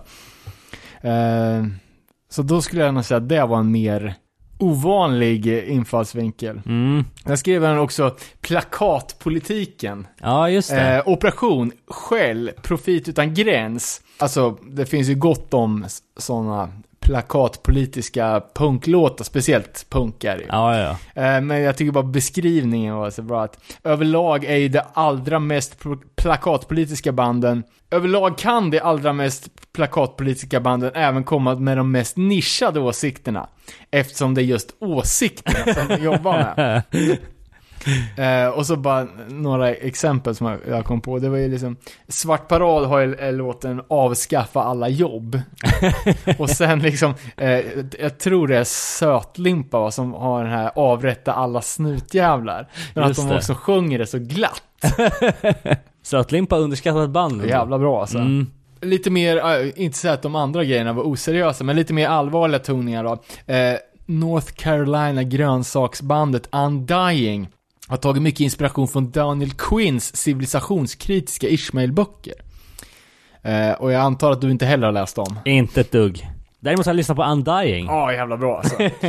ja, eh, jag googlade lite och det var ganska intressant, men det var också en eh, lite mörk baksida på det här tycker jag. Aha. Eh, alltså civilisationskritik kan man ju tänka liksom att man ifrågasätter Ja men det är alltså konsumtionssamhället, det västerländska levernet och lite så här. Men att många av de teorierna bottnar i Rousseaus liksom eh, den romantiska primitivismen eh, och boken Den ädla vilden. Okej. Det börjar låta som att eh, trävar på lite nazi... Ja, det, ja men det är ju super liksom kolonialrasistiskt Ja. skulle jag vilja säga. Okej. Eh, men liksom hur, hur eh, eh, idén liksom lyfter upp de ädla vildarna. Alltså ursprungsbefolkningar som är fria från influenser från västerländska, alltså den västerländska krigshetsen och girigheten utan att de är liksom rena själar på något sätt. Okej. Eh, och det är, alltså, nu för att det här är ju Rousseau, det är ju gamla grejer liksom. Ja. Det var ju sjukt, liksom, det som skulle kallas för blackface och nidingbilder liksom av olika, men, indianer och liksom så här stamfolk. Ja. Liksom och hur att de på något liksom godtroget, dumsnällt sätt skulle vara en, en förebild, bland annat i barnuppfostran, liksom att det skulle vara fritt att, att man, ja men liksom eh, anamma vil, vi- vilden, quote on quote, Ja, ja, ja. eh, tankesätt liksom, att inte vara, eh, ja men så, så materialistiskt styrd till exempel. Just det. Så det är bara så här, eh, en god tanke men också som en ganska rasistisk eh, baksida om, Ja. man, om man går till, till botten med det, här, liksom hur, hur, hur den teorin uppkom. Mm. Ja, det är inte så... Det är inte så... eh, Alltså ju mer man gräver i det där grönsaksmangelträsket liksom, rent textmässigt och ideologiskt, så är det ju... Det är få band som stand the test of time, så att säga. Nej men nu ger jag ingenting på Undying, för alltså, det var bara att man backar, backar bandet till 1800-talet, hur teorierna uppkommit. Ja, jag säger ja. inte att Undying förespråkar att, eh, att man ska ha någon sån här, eh, kolonial eh, rasistsyn på barnuppfostran. Nej, nej. Eh, bara vad, vad, vad idéhistorien kom ifrån. Ja, just det, just det.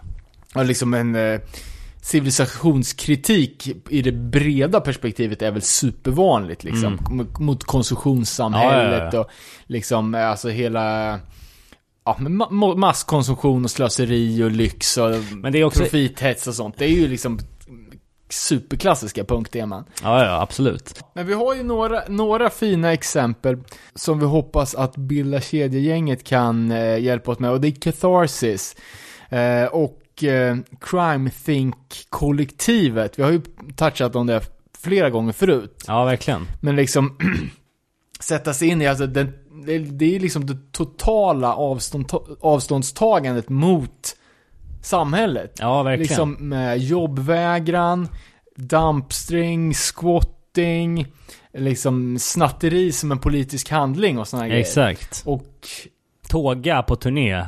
ja men precis. Eh, Som vi har snackat om tidigt i något avsnitt. Ja. Det, vi, var inne, vi var inne på lite av de här grejerna när vi pratade med Tor i eh, förra sommaren i något avsnitt. Men eh, det är väl mer på de här ideologiska bitarna eh, som vi ska gå på djupet nu då. Så vi, vi klipper till, eh, till samtalet med dem helt enkelt.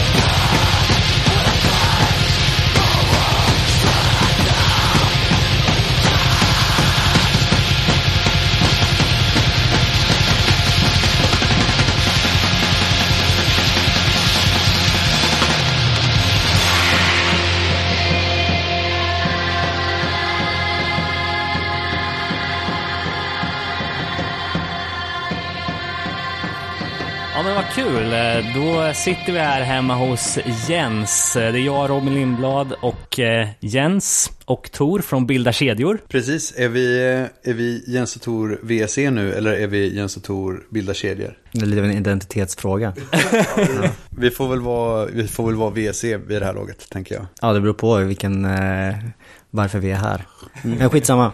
Ja, nej men alltså, vi är här idag för att vi ska prata lite om ideologin bakom Eh, lite så här eh, anarkistiska punkband kan man väl säga. Alltså framförallt då Catharsis som vi lite slarvigt har omnämnt i podden till och från utan egentligen gå in på ideologin. Vi, det vevas rätt friskt från vårt håll eh, gällande det här bandet. Men, men ett jäkligt inflytelserikt band med, med många storslagna idéer och eh, med ett eh, kollektiv bakom sig som kallas för Crime Think.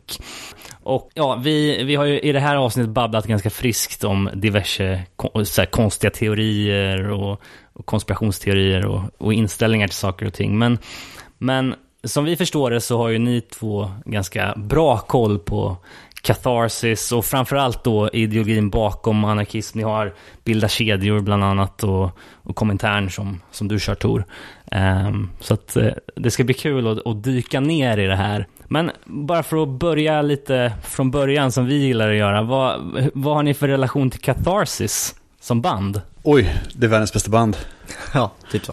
Nej men eh, alltså Catharsis, jag har en pinsam, en pinsam start på min Catharsis, mitt Catharsis-lyssnande. Man kan säga. Vi är från Linköping båda två. Och eh, då var det, ja, vi gick på skylten när vi gick på gymnasiet och levde liksom gymnasiet, gå på spelningar, livet väldigt mycket. Och då skulle, vad ska jag säga, vilket år det var? 2000? 2002 skulle jag gissa på. 2002, ja men det... 2003. Nej, jag tror 20, 2002. 20, förmodligen 2002. Då kom Catharsis till Sverige och spelade bland annat på skylten. Och jag eh, ville både gå på spelningen men ville också gå på en fest. Även om jag var straight edge då. Men jag ville ändå gå på den här festen. Så jag såg förbandet. Och sen gick jag innan Catharsis spelade. Och sen tror jag jag hittade Catharsis typ ett halvår senare och bara det här är världens bästa band.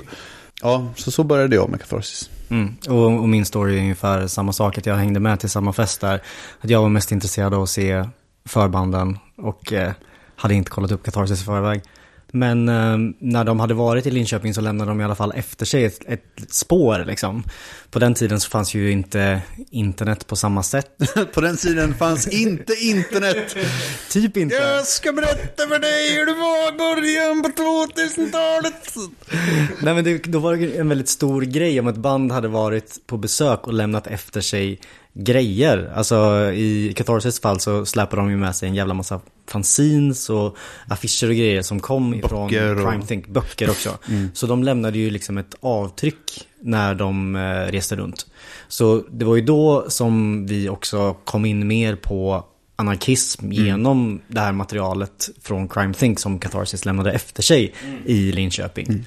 Absolut. Jag vill bara säga att det är en ganska stor skillnad på, om vi pratar om Crime Think, så är det en ganska stor skillnad på Crime Think tidigt, slutet 90, tidigt 2000 och Crime Think idag. Och om man vill, om man vill eh, ta del av Crime Think idag så har de en podd bland annat som heter The X-Worker.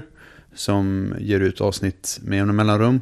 Och det är en, nu är de egentligen ganska standard. Efter 2008, alltså efter eh, den ekonomiska krisen 2008 så fanns det helt plötsligt en annan, då kom ju Occupy och lite senare och sen så, det fanns en annan mottaglighet för så ganska standard anarkistiska idéer i USA. Att folk blev, helt plötsligt blev folk jävligt fattiga liksom.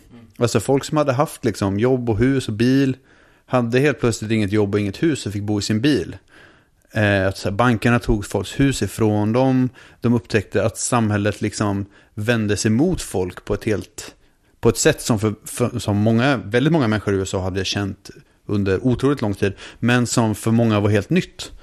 Och då fanns det helt plötsligt en, en ny mottaglighet för eh, de här idéerna. Så att Crime Think blev egentligen ja, men ett, ett ganska standard anarkistkollektiv eh, liksom, som, ja, men, som ger ut böcker och eh, trycker affischer och gör föreläsningsturnéer och, och gör poddar och så. Men o- om man pratar om Catharsis så är ju det tidiga Crime Think mer intressant då. För på den här tiden, 2008, då fanns ju inte, då fanns ju inte Catharsis längre. Eh, utan eh, det tidiga Crime Think var ju mer av en, en situationistisk rörelse. Den fanns liksom i en kontext där antiglobalism var en väldigt stor grej. Alltså stora möten som Seattle och Göteborg 2001 och alla de här grejerna liksom. Det var väldigt mycket spektakelpolitik kan man väl säga. Och spektakel är ett väldigt centralt begrepp i den situationistiska ideologin. Jag skulle också vilja säga att eh, det finns en, en idé i, i gamla Crime Think. Och, man, och då fann, det fanns några stycken böcker som var väldigt... Fyra stycken böcker hade kommit vid... Tre eller fyra böcker hade kommit när de var i Linköping vid den här tiden. Och det var eh, Days of War, Nights of Love. Som är en, eh, egentligen en, eh, en ABC-bok typ. Ja, det är en samling av eh, olika kortare politiska texter Ja. som de skrivit. Men de har skrivit dem i bokstavsordning. De börjar med A is for anarchy, B is for blasphemy kanske. Ja, och så går de igenom hela alfabetet liksom. På det sättet. Och den fanns. Och den var någon sorts go-to-verk liksom. Det var så här. Vill man läsa om anarkism i Linköping på den här tiden. Om man var en ung punkare. Då var det inte så att man läste Kropotkin eller Bakunin. Eller Emma Goldman. Utan eh, då, läste man, eh, då läste man Crime Think. Ja, om man hängde runt i punkscenen. Ja, jo precis. Det fanns säkert några suffare som tyckte att det var... Fast de hängde också runt i punkscenen så att man läste Crime Thing. Det fanns också två andra böcker. En som heter Off the Map. Som handlar om två tjejer som liftar runt i Europa någon gång. Som var ett fanzine från början, ett resefanzine som de hade.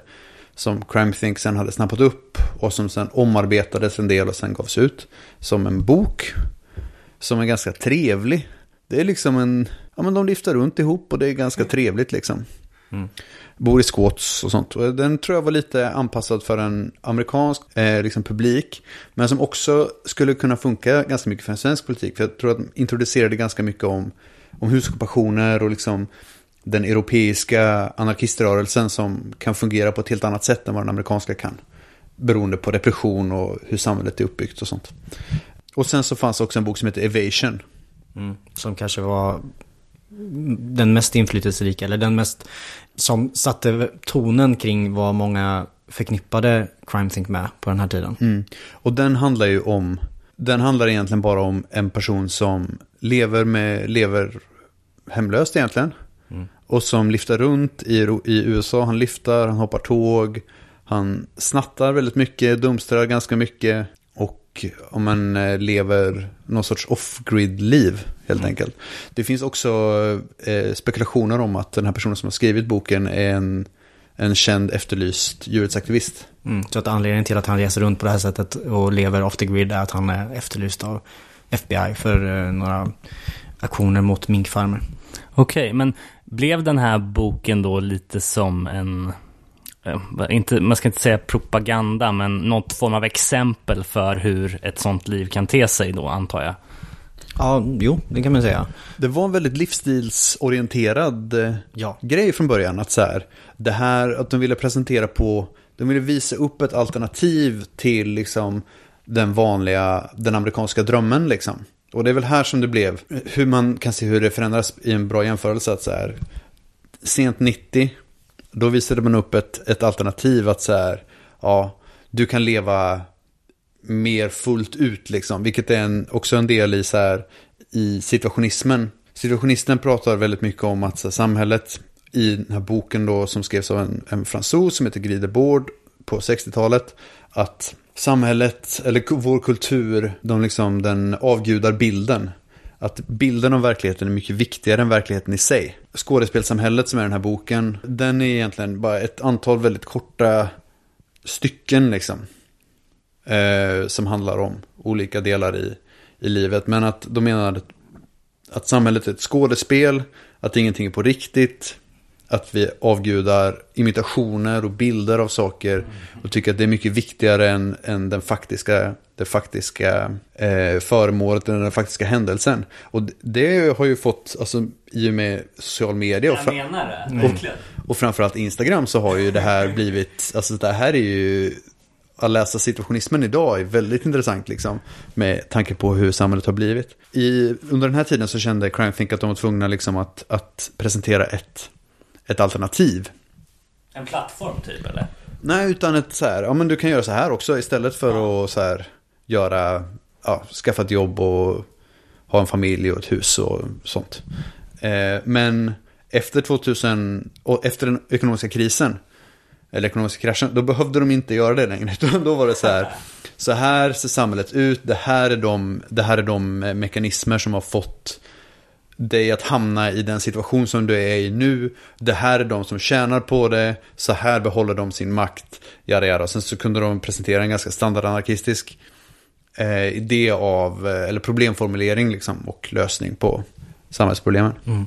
Runt millennieskiftet kring de här stora demonstrationerna, i, ja, som jag nämnde tidigare, så var ju slagordet var ju väldigt mycket en annan värld är möjlig. Alltså att visa på alternativ. Att det, en annan alternativ värld är möjlig. Och i det här fallet då med eh, Evasion, boken, att ett annan typ av liv är möjligt. Ett liv som inte är medierat på samma sätt. Eh, så man visar upp en annan typ av berättelse och mm, försöker inspirera till ett mer genuint eller direkt liv liksom. Och, och det är ju det här som är så intressant då. För, för att återkoppla bara. Eh, Crime Think fanns alltså som, eller en mindre massa då innan Catharsis tog fart. Och sen när Catharsis la ner 2002 eller när det var.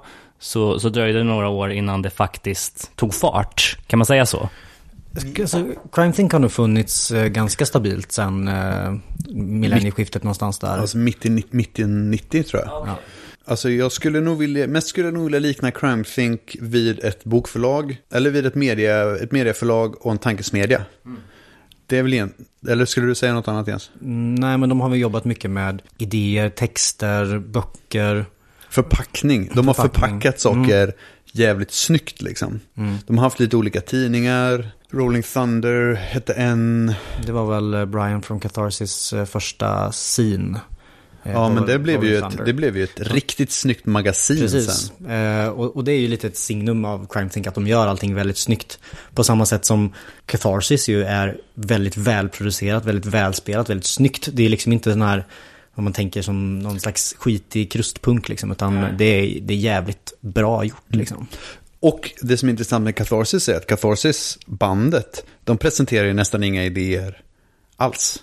Det är ju inte, alltså så här, nu ligger det ett gäng skivor här på bordet framför oss som lyssnarna inte kan se. Men, men överst så ligger ju Frihet med Operation och under den så ligger Passion då med Catharsis och sen så kommer det mer Catharsis-skivor. Och Operation som är ett svenskt band från Kalmar eh, som fanns i slutet på 90-talet, de eh, de presenterar ju, de läser ju upp flygblad.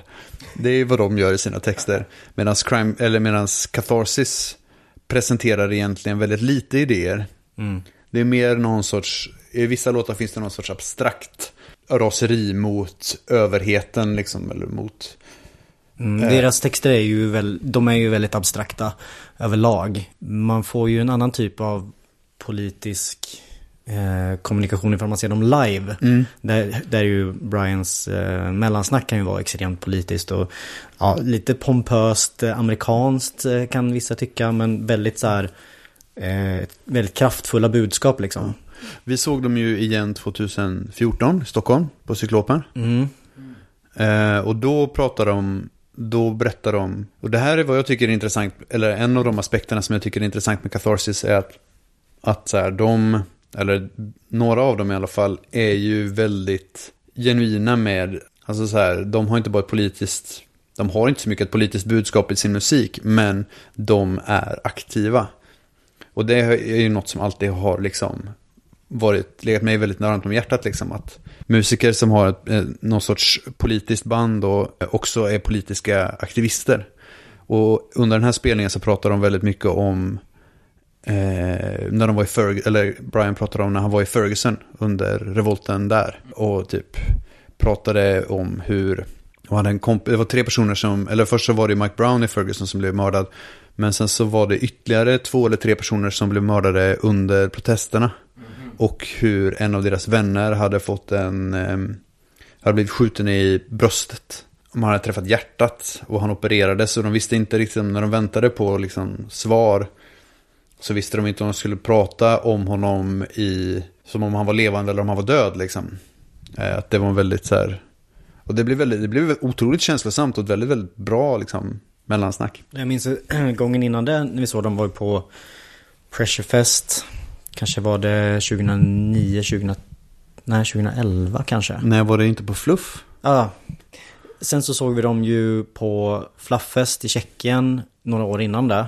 Då var eh, arabiska våren fortfarande eh, ett, ett liksom aktivt ämne som man pratade om. Och då minns jag att Brian pratade om den här första gatuförsäljaren som man menar liksom gav gnistan eh, som startade hela den Han som arabiska satte våren. eld på sig själv på Tahrirtorget. Precis, han satte eld på, sig själv för att han inte fick sälja sina varor eller vad det nu var. Mm, jag minns sånt. inte. Men då pratade han liksom om den här desperationen som tar en till den punkten. Alltså en, en eh, desperation som är självmordsbenägen liksom. Att eh, samhället pressar dig till den punkten att du är beredd att göra så mycket motstånd att du själv mycket väl kan dö. Och det tycker jag, det är någonting som kommer till uttryck i Catharsis texter utan att uttryckligen säga det. Så finns det en extremt stark desperation liksom, eh, inför samhället och inför världen. Sen har jag hört eh, nere på noll eh, prata om att Catharsis typ inte går på asfalt och inte turnerar med bil och inte köper mat. Och det tror jag helt enkelt inte är sant. Det jag tror att myten om bandet är större än bandet i sig. Eller så här, bara det att de har varit i Europa, de har kommit hit med flyg. De kommer inte hit på något annat sätt. För de kommer inte segla över med hela sin backline liksom. Jag tror att de tjuvåkte på ett lastfartyg med hela sin backline. Precis. Krigar om. Jag Precis. inte acceptera något annat. Ja.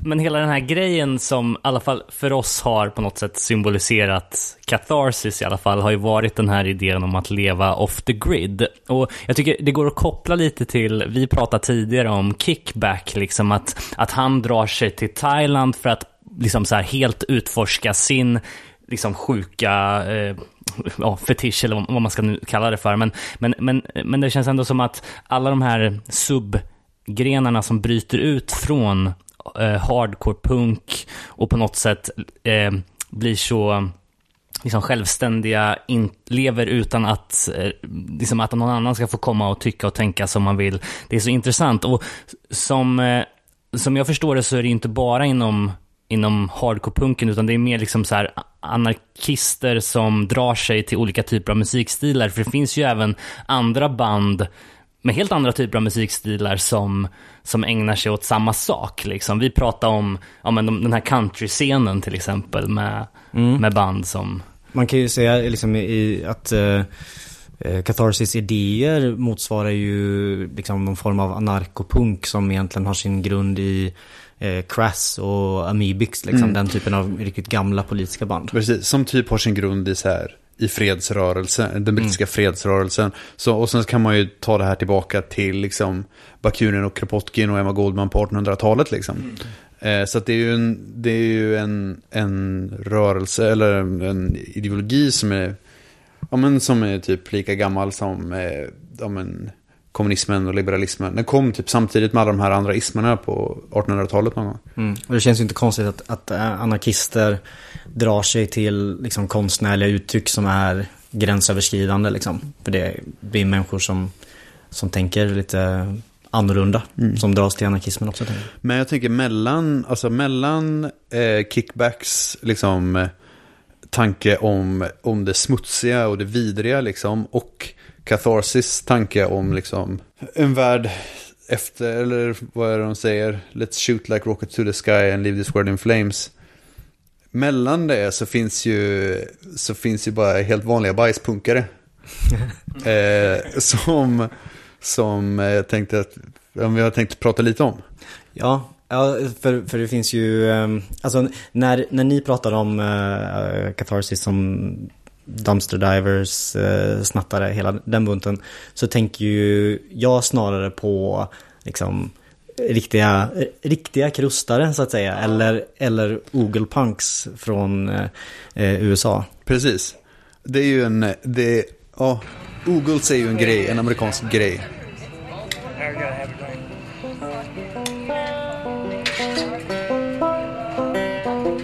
Just, just in case. I, can't drink the rest of it.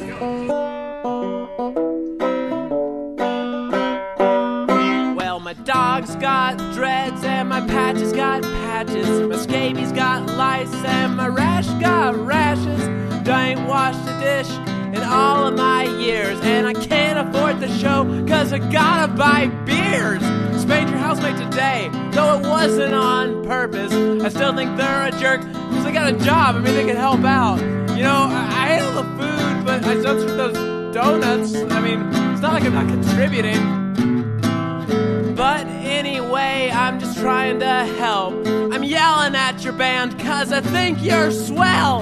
I spilled beer on your distro, we were talking anarchy. But someone's gotta keep it punk. We like chaos, man. You say oogle like it's a bad thing. When my dog shits on the floor, you don't seem to understand that I'm wasted indeed. Fighting for my she done tried, and she tried damn hard. But some things are too beautiful to keep inside. I'm living free, ain't a slave to your capitalist system, and you house punks ain't got no idea what you're missing. I came to your meeting and I ate all the snacks. I was totally wasted, and y'all's politics are whack. I interrupted because I had a whole lot to say. And I'll fight y'all if you tell me I gotta go away.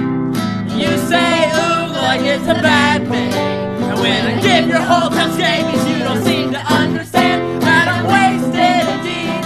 And fighting for my life. Ooh, pride.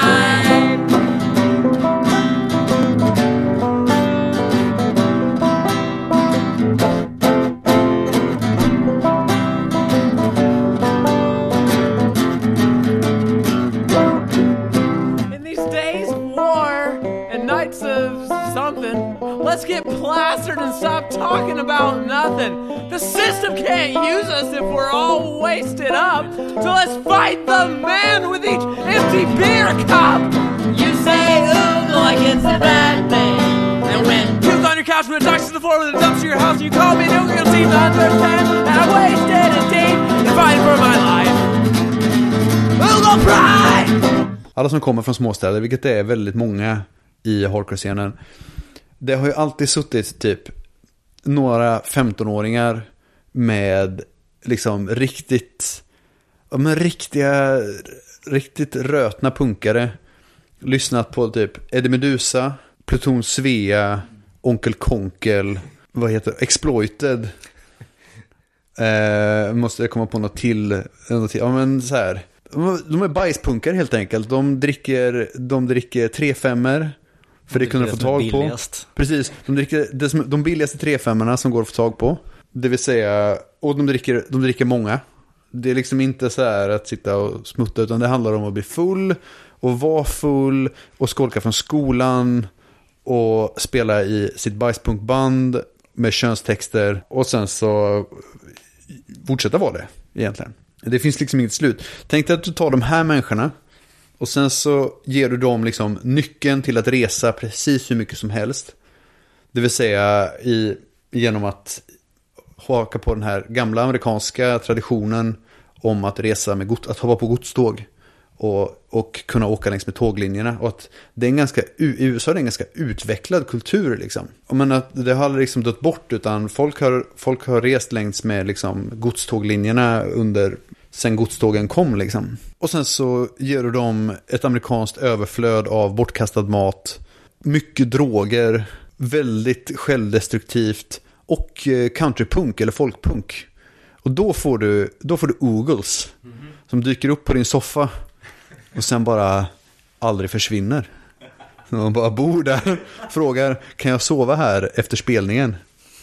Och så, så helt plötsligt så har du en sån ogelkoloni i ditt vardagsrum. Va- Var kommer namnet ifrån? Jag har ingen, ingen aning. Nej. För det, det är ju ganska, jag har aldrig hört det innan, men, men jag förstår ju exakt vad ni menar. Framförallt om man kollar på, ja men som vi nämnde här innan, Hazen Days till exempel, eh, som är liksom, ja men så här country, folk, punk liksom, med, med liksom tvättbräda och akustisk gitarr och, och bara åker runt i en minibuss eller squattar på, på olika ställen liksom. Det här är ju, det är ju en liksom, punkkultur som bygger vidare på luffarkultur. Liksom. Att man spelar eh, luffarinstrument och hoppar på tåg och liksom den eh, typen av kultur. Precis, och om hela din backline är en fiol, en mandolin, en gitarr och en tvättbräda så är det inte så svårt att ta med hela din backline på ett tåg liksom. Och du kan så också sätta upp och spela din backline precis vart som helst. Men det här är liksom en, en väl... Jag tror att Ogles finns liksom i lite olika kategorier, men de här resande Ogles-folket och de musiker liksom som hänger på. Som Days and Days eller eh, We the Heathens eller Railyard Ghosts. Railyard Ghost. Jag tror det finns säkert typ hundra som heter typ så Freight Train eller Blackbird Realm. Blackbird Realm, även om de är lite mer sofistikerade känns det som. Men de här, de finns ju, det finns liksom en hel kultur runt den här, runt den här grejen. Som, som bitvis är liksom det som man pratar om i tidiga, i tidiga Crime Think. Och om man då vill gå in på de här eh, enstaka företeelserna, alltså som att, som att hoppa tåg eller lyfta eller dumpstra eller snatta, så är ju det verktyg för att kunna leva det här livet liksom. Eh, ifall målet är att du ska leva utanför samhället så måste du också hitta strategier för att kunna göra det. Eh, och om det då finns eh, enormt mycket mat i eh, containrarna eh, som du kan få tag på helt gratis. Det är ju skitbra liksom. Eh, det är bara att ta. Ehm, det du inte kan få tag på i containrar kanske du kan hitta på andra sätt. Till exempel genom att sno det från en butik. Ehm, och, och där kommer man in i en annan typ av moralisk frågeställning kanske. Men eh, moral är inte direkt någonting som, som de här människorna jobbar så mycket med. Men man kan ju se det på ett liksom mer politiskt sätt också. Mm. Ja, alltså och stjäla från stora företag är väl inget som någon har några problem med egentligen. Ja, inte... Nu, nu, nu, Men det är som att, det är som att slå nazister. Det är liksom... Det, det, Vedertaget bra. ja men precis, men det, är- det är okej liksom. Man vet det. jag vet inte ifall alla, alla nere på nolls lyssnare vet det. Men nu vet de det. Ja, okej. Nu har jag Men- berättat det. Eh, Tanken är väl, eh, om man ska, liksom försöka förklara, att eh, rika företag har blivit rika genom att eh, suga ut andra människor. De har hårdat upp eh, på resurser och att eh, ta eh, varor från stora företag är egentligen bara att expropriera varor tillbaka till eh, massorna eller till eh, arbetare liksom. Det vill säga en själv. Ja, just det.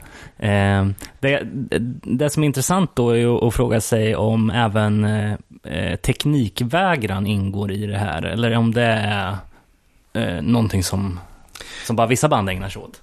Ja, det är väl kanske någon, någonting som, alltså teknik gör ju att du binder upp dig till saker. Alltså ju mindre teknik du använder, desto lättare kan du leva utanför samhället. Alltså ifall du skaffa dig en telefon, eh, en, en smartphone, så helt plötsligt har du bundit upp dig på helt andra sätt. Mm. Ja, men du, alltså så här, du går att hitta...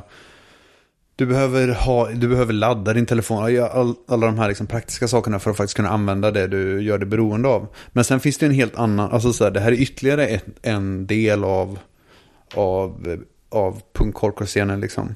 Den, alltså den rent teknikfientliga. Ja, exakt. Det man, det man ser framför sig då, det är liksom folk med, med liksom faktiska foliehattar på, liksom någon form av el, eh, liksom, ja men du vet. men, eh, men liksom det, det som är, ja, kul, men det som är intressant då, det är om det faktiskt är grundat i, i ideologin på något sätt, eller om det bara är liksom en offshoot så att säga. Så. Men det finns ju en rad primitivistiska band, framförallt så i Vegan Straight Edge, Hardcore, alltså alla era bästa grönsaksmangelband, de älskar ju Ted Kaczynski. Nu, drar jag med, nu målar jag med breda penseln, men... eh, Alla älskar all, Ted. Alla älskar Ted Kaczynski. Och alla vet vem Ted Kaczynski Ja, är. efter eh, Manhunt Unabomber så vet alla vem Ted Kaczynski är. Så jävla bra serie. Okej. Men, men där skulle jag ju sätta in band som Gather till exempel. Earth Crisis, även om de har lite andra shady idéer. Eh, typ Undying. Som redan har nämnts. Alltså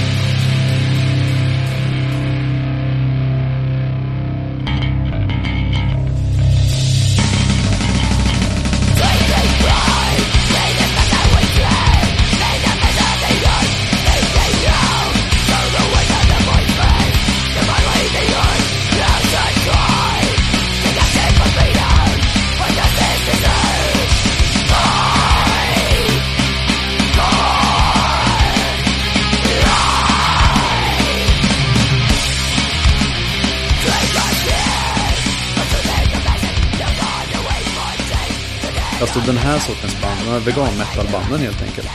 Att där fanns det en, en idé om att så här, samhällets problem startade inte i och med i och med kapitalismen startade inte i och med liksom feodalstaterna eller typ nyliberalismens intåg eller något sånt där. Utan samhällets problem startade i samband med att civilisationen grundlades. Och efter det har det bara varit en helt liksom en naturlig progress från det att folk började bo i städer och dela upp arbete till ekonomisk och framförallt ekologisk kollaps som vi står inför idag. Eh, och så här, att vi fjättrade vid tekniken, att tekniken har slutat vara ett verktyg på samma sätt som ekonomin har slutat vara ett verktyg och sen blivit en någon sorts religion eller ett, ett mål som vi förhåller oss till bara för att liksom. Och, och där finns det ju olika liksom, tolkningar av det här. Eh, Undying och eh, Daniel Quinn som redan har nämnts är väl kanske mer av en... Eh, det är väl kanske en mer opolitisk tolkning kanske. Den har inte lika mycket materiell grund utan den liksom tittar på vad händer med människan när människan slutar se sig själv som en del av resten av naturen. Att liksom särskilja sig själv. Eh, och sen så har du mer renodlade anarko anarko-primitivister eh, som till exempel Peregrine och Kevin Tucker, en, en eh, sångaren där som skriver väldigt mycket om det här. Där man ser mer materialistiskt på liksom, vad händer i samhällen när man börjar samla på sig eh, varor. Alltså när man börjar kunna eh, spara eh, det man har odlat till exempel. Då kan man börja samla på sig värde och då kan det också uppstå eh, klasser i samhället. Och ja, men så här, man, börjar använda, man börjar använda våld för att kontrollera sin... För att kunna härska över andra människor, för att kunna liksom, kontrollera sin befolkning och föra krig mot andra och sånt. Men om man vill titta närmare på de här idéerna, då tycker jag att man ska lyssna på The Final Straw, tror jag det är, som har gjort en jävligt bra intervju med Kevin Tucker, där han pratar om, där han pratar om allt det här. Så det är ett, ett hett tips. Och de här idéerna fanns ju kanske framförallt bland hardline-banden på 90-talet. Mm. Vet inte vart man ska säga att eh, det började liksom, men det, det fanns ju en stark civilisationskritik inom hardline, även om hardline inte var inte anarkoprimitivistiskt på det Nej, sättet. nej, alltså hardline ligger väl snarare närmare någon sorts ekofascism än, Mm. än eh, anarkoprimitivism. Ehm, och med någon jättekonstig så ekumenisk religiös twist. Vi har pratat om, eh, om hardline i ett av våra tidigare avsnitt i Bila kedjor, så jag tror inte vi ska ge oss in jättedjupt på det här. Men, Nej. eh, Nej, och, men, men det är alltid så här lika, lika trevligt när, när ni är med. För att jag, jag kommer ihåg när, när du Tor var med och pratade om Nazi Edge i avsnitt 86 eller någonting. Och det har ju varit lite av våran, vi har ju refererat tillbaka till det här ganska mycket liksom som, som en slags grund grundpelare där. Så det är alltid, det är alltid kul att, att fråga när, när man ändå har det här och passa på liksom. För eh, min, min, vi, ska, vi ska snart lämna det här och gå tillbaka till Crime Think och prata om, mer om det här. Men, men jag måste fråga typ så här de, eh, de primitivistiska banden då. Det som är lite kul är ju att titta på vad, vad tänker man sig är lösningen då om problemen började där civilisationen grundades? Är det att gå tillbaka till något slags så här jägare-samlare-samhälle? Eller är det redan där en, eh, vad man anser vara en, en klass, ett klassamhälle så att säga? Mm, de, eh, de flesta anarkoprimitivister som, som jag läser menar ju att jägar-samlarsamhället är liksom det enda eh, på lång sikt hållbara samhället. Sen eh, så ska man väl också komma ihåg att civilisationskritiken just i grunden är en kritik av civilisationen. Det är oerhört svårt att genomföra någon form av eh, samhälle baserat på den idén. Folk vill ofta säga att jaha, de vill gå tillbaka till den här typen av samhälle. Det finns liksom inga väg, vägar tillbaka till någonting, utan eh, ifall man skulle implementera den typen av idéer, då handlar det snarare om att man skulle gå framåt till en annan typ av samhälle, där vi förhåller oss till naturen på ett annat sätt och, och till teknik på ett annat sätt. Det finns ju också i USA såklart, i spåren av Earth First, så finns det ju en, eh, på något sätt någon sorts prepper-kultur liksom. Earth First är ju då en av, egentligen den stora militanta miljöorganisationen som finns. Eh, eller ja, ganska militanta i alla fall. Alltså som Greenpeace fast, fast mer decentraliserat och mer militant. Många av de aktivisterna håller ju på i någon sorts prepper-stil att göra, att lära sig liksom hur man gjorde saker way back liksom. Jag pratar om, om primitive skills typ. Att så här, men vilka örter kan man använda för att göra, använda i olika läkande syften. Vilka, typ, hur gör man upp eld utan att ha tändstickor eller tändare? Hur, alla de här grejerna liksom. Ja men typ.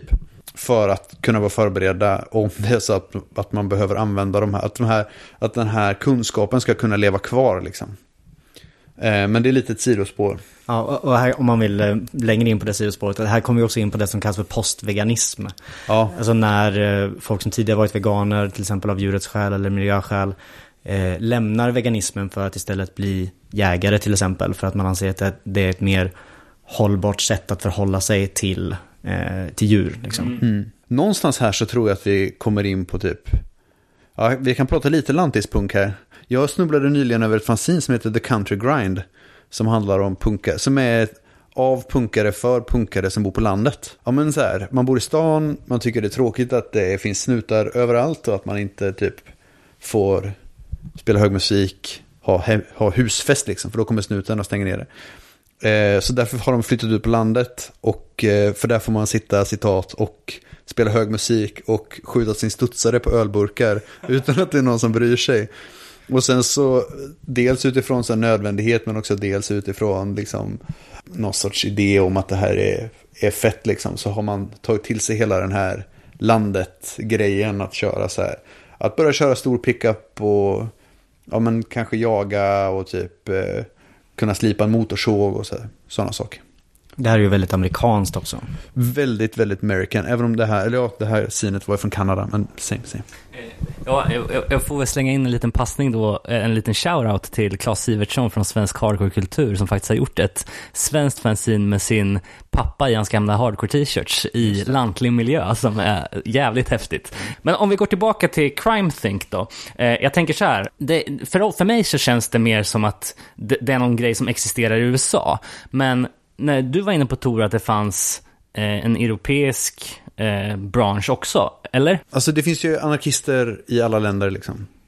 Det finns ju en, en, en gammal anarkistisk slogan som är Vi finns överallt. Och det, och det stämmer liksom. Anarkister finns ju överallt.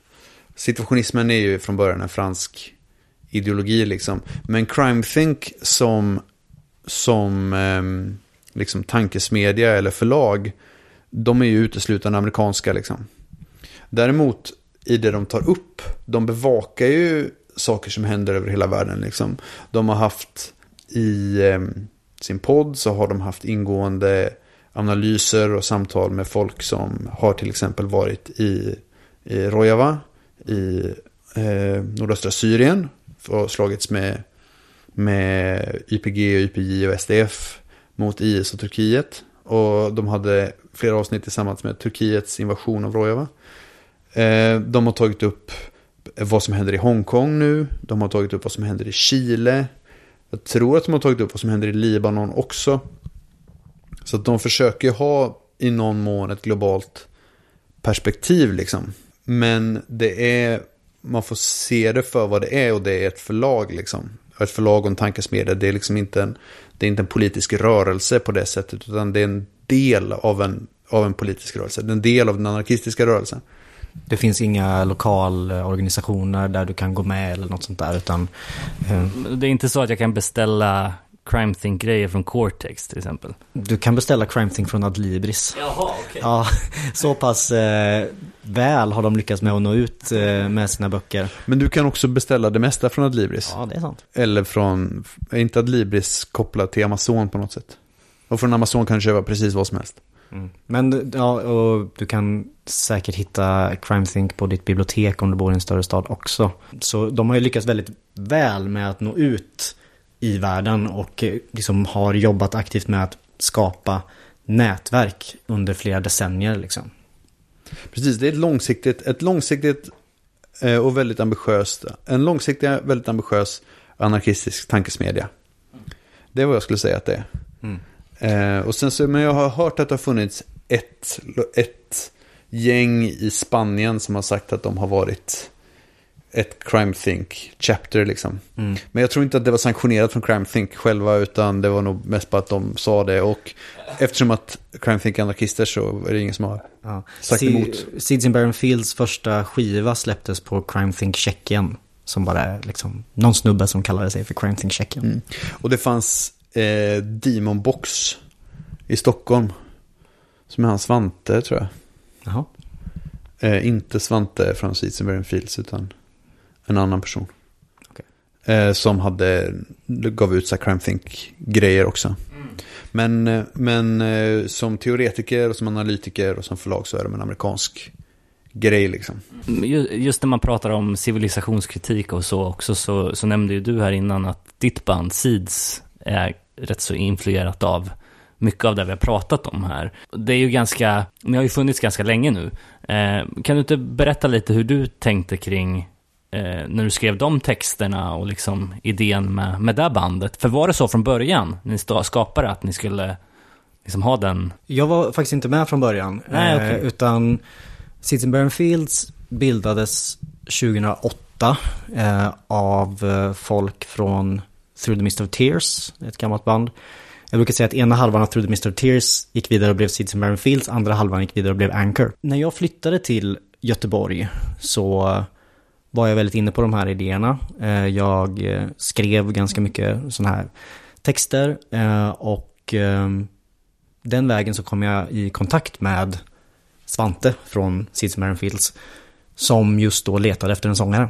Så jag halkade in på den vägen för att jag var intresserad av den typen av frågor. Jag tänker att, att det intresset, att vi kommer ju från djurrättsrörelsen båda två liksom. Och om man är, om man är djupt inne i djurrättsrörelsen då blir det väldigt tydligt att så här, hur det här, hur det här liksom systemet, kulturen eller vad vi nu ska säga att det är, hur den bara går på som en stor, som en jävla pansarvagn och bara maler ner allt som finns i, i, dess, alltså i dess väg. Men också alltså så här, hur otroligt mycket lidande som, som skapas på grund av eh, det sättet som vi lever på. Och att det då låg ganska nära till hands och bara säga fuck it, bara bort med hela skiten. Bara, det blev någon sorts, om en um, argentinskt slagord typ. Allt ska bort. Allt ska bort. Ja men det är Visst ganska rimligt liksom att eh, jag skulle absolut säga att min civilisationskritik kom ur just eh, en djurets eh, ideologi. Att när man tänker kring eh, djurs rättigheter, hur påverkar vi människor djur?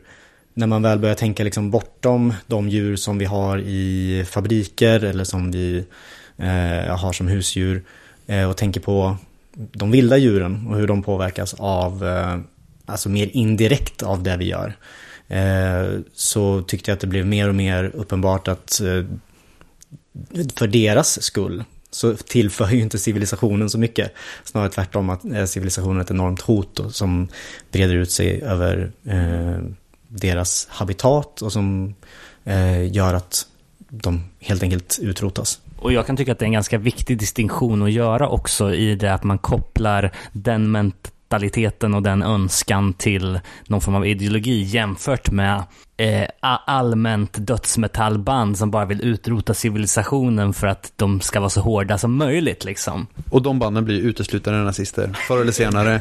För det finns ingenting, alltså så här, jag tänkte på det när jag lyssnade på det tidigare in, eh, liksom inlägget i det här avsnittet, att så här, så fort, alltså så här, folk som, åh jag blir så trött, jag blir så trött, blir så trött, han bara, okej, det är liksom eh, bristen på smuts, och sen så blev han nazist.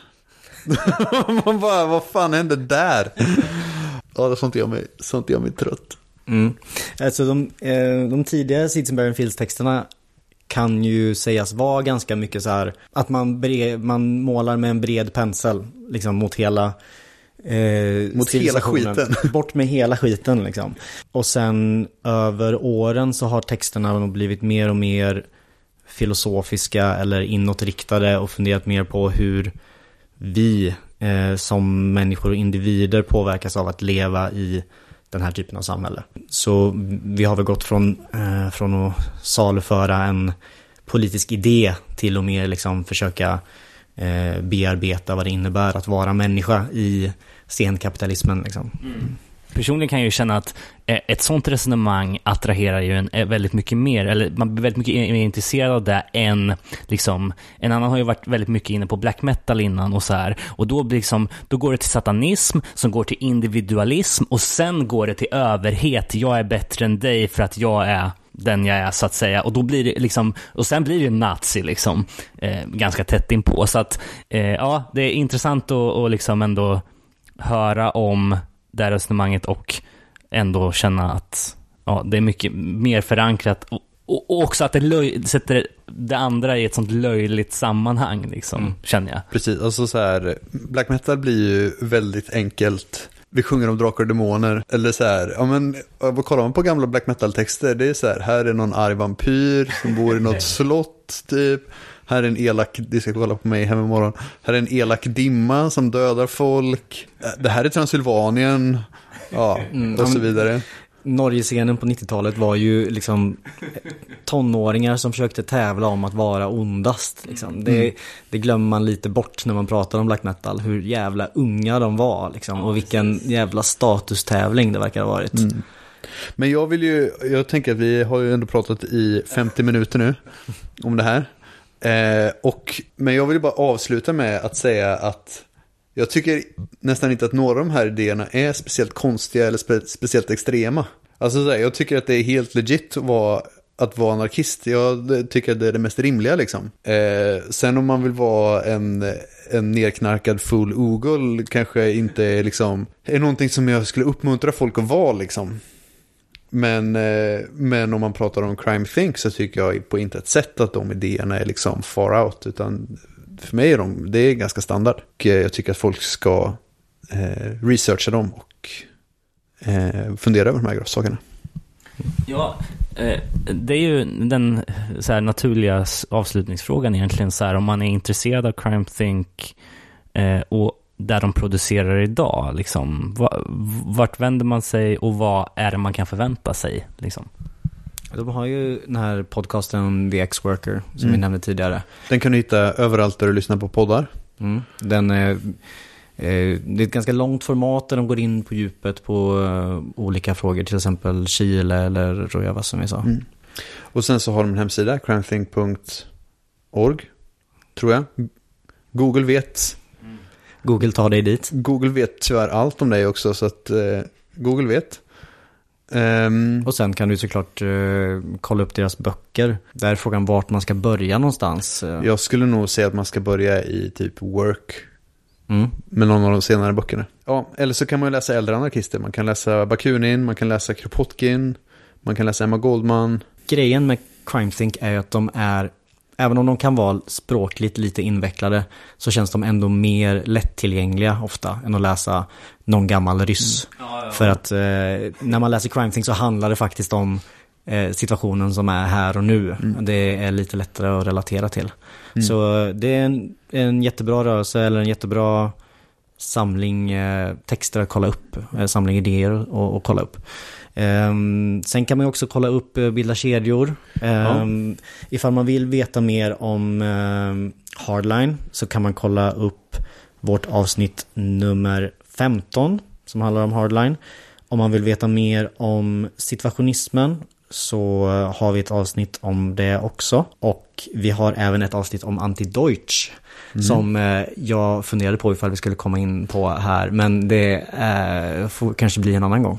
Ja men alltså det, och det är som vanligt skitkul att, att ni är med och att ni peppar. Alltså eh, som, jag, som jag nämnde tidigare, det blir lite så här facit för oss att nu i nästkommande 25 avsnitt innan ni kommer tillbaks återgå till när vi nu eh, inte längre i fortsättningen omnämner Catharsis och Crime Think som någon slags eh, övervintrade dreads eh, kartongboende eh, kringresande liksom, utan nu, nu har vi faktiskt lite bättre koll på begreppen. Så ja, vi får uppmana alla våra lyssnare att kolla in Bilda kedjor och sen så säger vi tack så mycket för att ni var med, Tor och Jens. Ja, tack, det var kul att vara med. Det var alltid trevligt.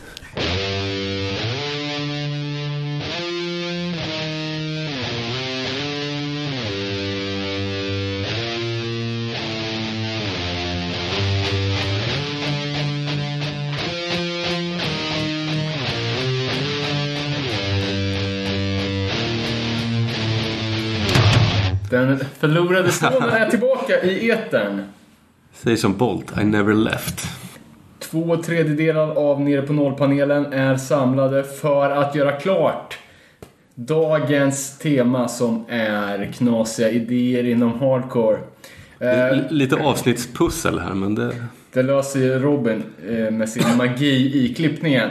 Eh, hot of the presses då, sen jag träffade Robin i onsdags. Strife, Earth Crisis och Snapcase ska återförenas för ett gig på, är det på The Whiskey?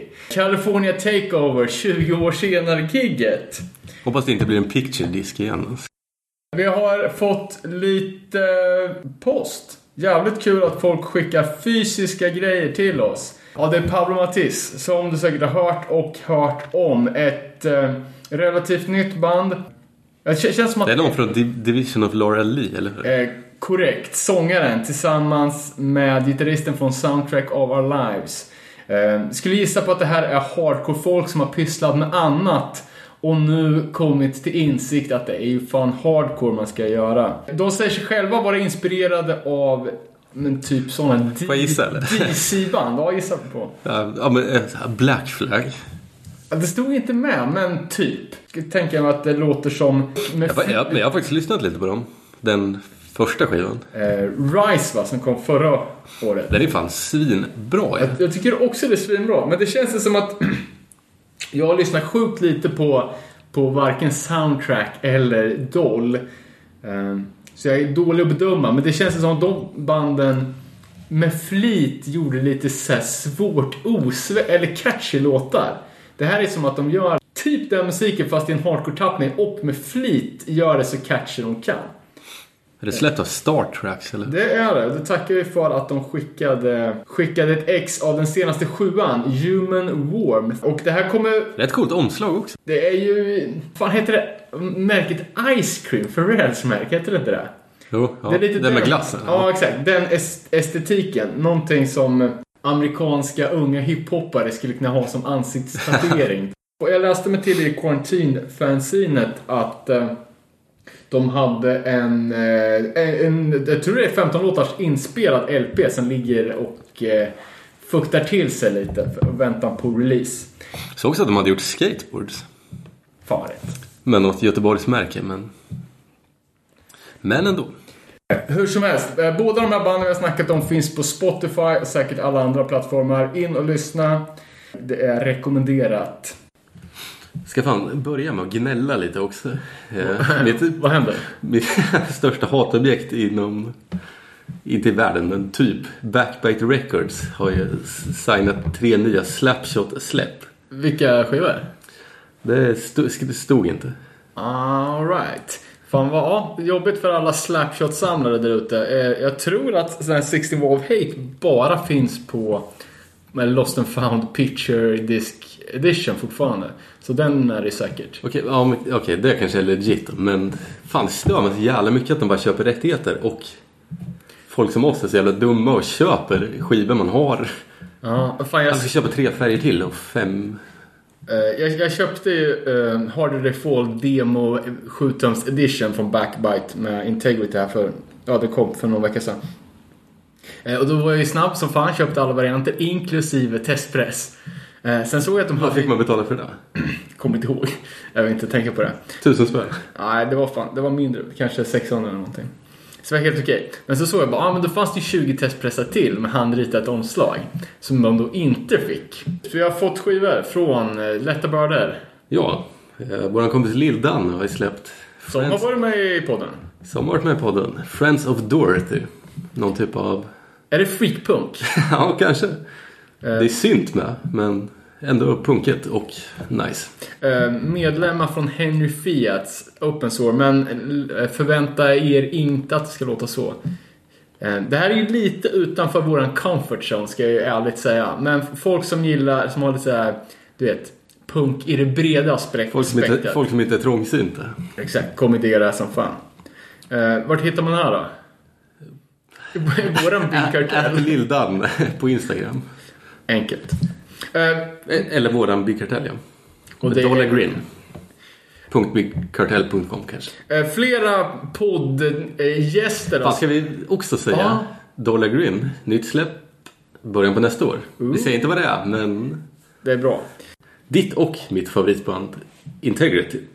Där vill man att det är, man tror ju att det här är full blown knas. Ja, de har ju ända sedan start haft, eller i början så var det väl ganska mycket men så här, vi är ett crew, det var bättre förr och djuret, så klassiska hardcore-tema. Men ganska snabbt så gick de ju på, Tänkte du säga det? För, ja, som vi pratade om förut. Harder They Fall In Contrast of Sin. Det är ju typ klassiska hardcore-texter. Jag, jag har listat det lite i ordning.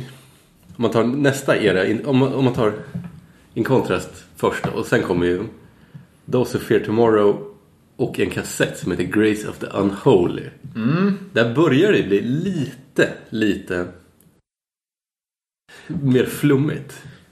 ja vi snackade ju om det att när de spelade in eh, For Those Who Fear, att de gick på LSD hela tiden. Det är ganska många texter här nu som man inte fattar, eller typ, man fattar inte ens titlarna längre. Eh, Ampelons Whisper, vad fan är det liksom? Dock skriver de ju, det är fortfarande W, inte två V. Så de har inte gått full blown. Nej, vad, fan, vad är det om då? Eh, Jag vet, jag vet att- inte riktigt. Jag, någon som lyssnar kanske vet. Men jag läste en intervju med Dwayne sa jag typ att det var tyskt. Eh, om jag ska citera. Oh, that's German. Germans can't say W. Skumt. Och, eh, och för de som inte hänger med här nu så, så brukar Integrity skriva, istället för W skriver de två enkel-V bredvid varandra. För, men jag googlade upp det. det. W finns ju i, tysk, i tyska. Så det, det kan inte vara det heller. Och så är det, ändå, det är ändå lite fortfarande så här klassiska hardcore-texter. Ja, men det är många... Don't know shit about me, typ. Ja, ja, men det är många låtar också som är kvar från demo och 7-tumstiden.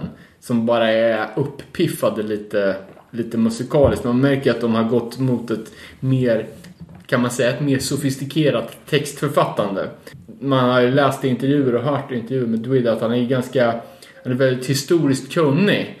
Och kanske inte på den historien som man får lära sig i skolan. Utan där man måste, history. Ja, exakt. Där man måste få gå till den låsta avdelningen på biblioteket för att läsa sig till. Men Omslaget då? Att det In Contrast är ju också... Det är inte Youth-crew-omslag så klassiskt hardcore men... Det här är ju fan rätt mörkt då. Ja, eh, och eh, For Those Who Fear Tomorrow är ju en... Det bara en CD väl? Ja, Originalet. precis. Först släpptes den ju... Det här kan man ju utan till. Av eh, eh, Overkill Records på CD, det nya formatet CD och kassett. Och Overkill Records var ju Ron Gardepy från Brotherhoods bolag. Sen släpptes den ju senare av eh, japanska Toybox Records. Första gången den kom på LP. Och då hette den då For Those Who Still Fear Tomorrow. Eh, Men om man snackar om det gamla CD-omslaget så är det ju en, det är ju en Francis Bacon-teckning, eller målning. Eh, Och Bacon är ju en, eh, det är ju en personlig favorit till, till Dwid. Hans liksom mörka... Lite mörk, men så mycket kor- korsfästningar och konstiga huvuden. Och... Ja, det är jävligt knasigt. Ganska tätt in på den här plattan så släppte de även den här Mayday-splitten. Eh, Mayday var ju ett annat mörkt hardcore-band från Maryland. Och de gjorde ju en split sjua då. Och eh, Integritys sida var ju dedikerad till Francis Bacon. Ganska intressant också för man tänker... Undrar om, tror de har träffat honom? Jag tror att han levde ganska långt in på 90-talet. Ja. Ja, ja, jag vet inte fan. Eh, för man, jag, jag har alltid tänkt att Francis Bacon var någon så här obskyr konstnär, du vet så här esoterisk skit liksom.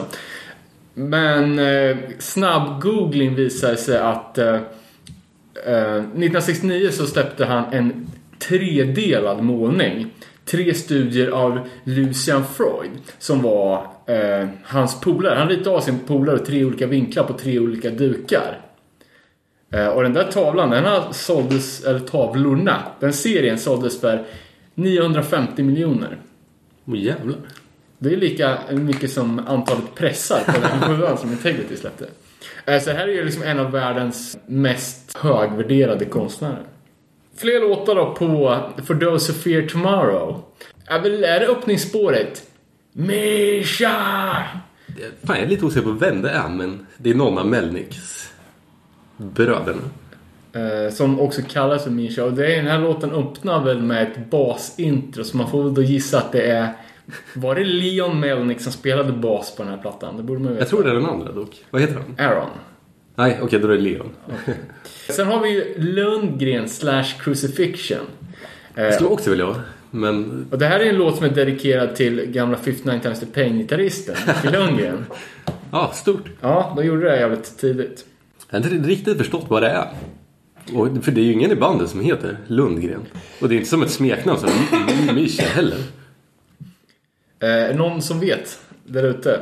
Det var ju svårgooglat också, Lundgren. Det fanns ju ett par... Man kan ju säga på att det är inte någon solig karaktär om det nu är någon. Eh, vad har vi i- härnäst i katalogen då? Då är det 95, Systems Overload. Jävla bra skiva alltså. När Integrity går från att vara hatade, obskyra, eh, mörka våldsbejakare i Cleveland till att faktiskt, eh, ja, de hamnar på Victory Records. Och baksid, nej, baksidesbilden är ju, nu tänker jag på baksidan på Är inte den live? Humanity is the Devil. Eh, när de får spela på Warped Tour och ja, gör synkroniserade hopp. Systems Overload. När de står... Vänta nu. Ser inte det ut som en... att de hoppar på en bro eller Jo, någonting? exakt. Är det på en Warp Tour? Japp. Warped Tour Cleveland. Ja, Okej. ja. Eh, En av låtarna som sticker, sticker ut på den eh, är ju Armenian Persecution. Det är typ enda gången det är politiskt om ett... Ja, men en specifik händelse. Ja, exakt. Och eh, händelsen är ju då folkmordet som skedde i... Det heter ju typ Osmanska riket har jag läst mig till. Det gränsar till Turkiet. Det är där. Det är den regionen. Typ mellan Asien och Europa är det. Inte riktigt hört talas om det här. Jag tror det kom lite i skymundan av första världskriget. Jag läste att det var upp till en miljon armenier som vart mördade. Och det har ju varit lite, ja men som sagt, inte i, eh, i media. Jag tror att det var ganska okänt när, när Integrity tog upp det. Och jag misstänker att bröderna Melnick har armenskt påbrå. Att det är därför de Ja, har det det är här som hjärtefråga. Och folkmordet på armenierna erkändes av USA 2009 och, och av Sverige 2010. Så att det är ju, det tog ju nästan 100 år för att Jag läste att det var olagligt i Turkiet att prata om det. Ja, de erkänner det ju inte. Nej, precis. Nej, det var ju mycket kontroverser angående det här när, när länder i, i väst började, började ta upp och prata om det här som, som folk kanske ville släta över. Men det är lite i texten också att... Nu, jag kommer inte ihåg exakt hur det är men typ att USA inte gör någonting för att det inte är några pengar inblandat. Så de har ju fan den approachen också. Att, Ja, exakt. They just stood, by, listened to the cries. Why interfere? There's no money here. nej, ja, exakt. Ska vi hoppa till nästa då? Nu är det ju ännu mer knas. Humanity is the devil. Eh, Och trots det soliga bakgrundsfotot när, när de hoppar synkat på Warped Tour Cleveland så är det ju en jävligt mörk platta. Vad jag fattade som så är det en, en temaplatta till eh, Process Church of Holy Terrors skrifter. Jag börjar tänka, det, här, det är ju ett Holy Terror-kors på labeln på skivan. Ja, Att det är första gången de har Holy Terror-grejer. Eller är den March of the Damned också något sånt? eh, March of the- Damned är väl någonting i Bibeln tror jag.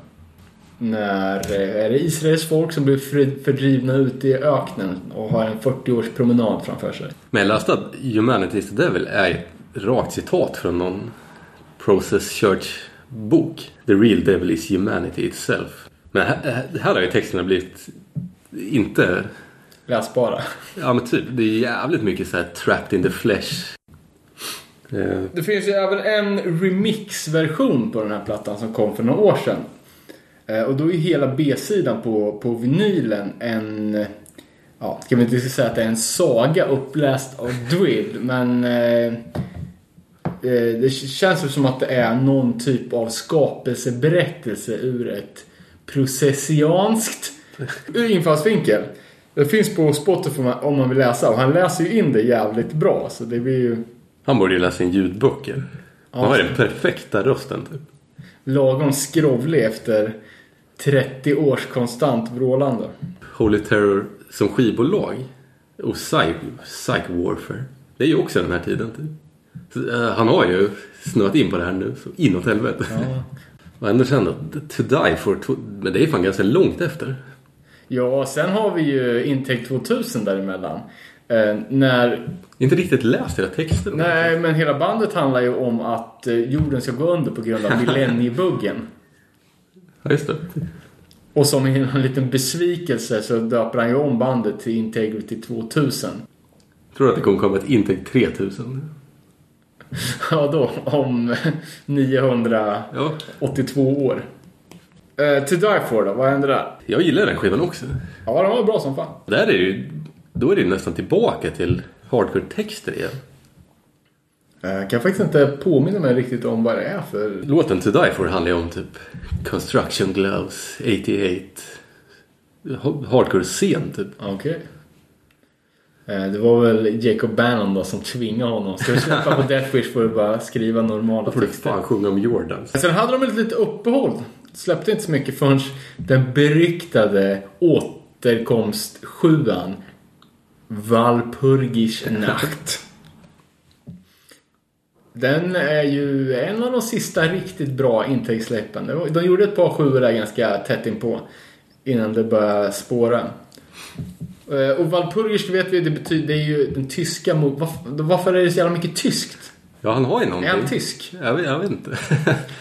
Eh, Det är ju eh, valborgsmässoafton, en högtid.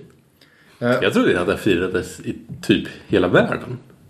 Men det gör det typ inte. Det är okej. typ norra Europa. De germanska länderna alltså. Ja, men typ. Och det var ju... Fast är inte halloween? Ja, det är på andra sidan året. Men det är inte lite samma sak?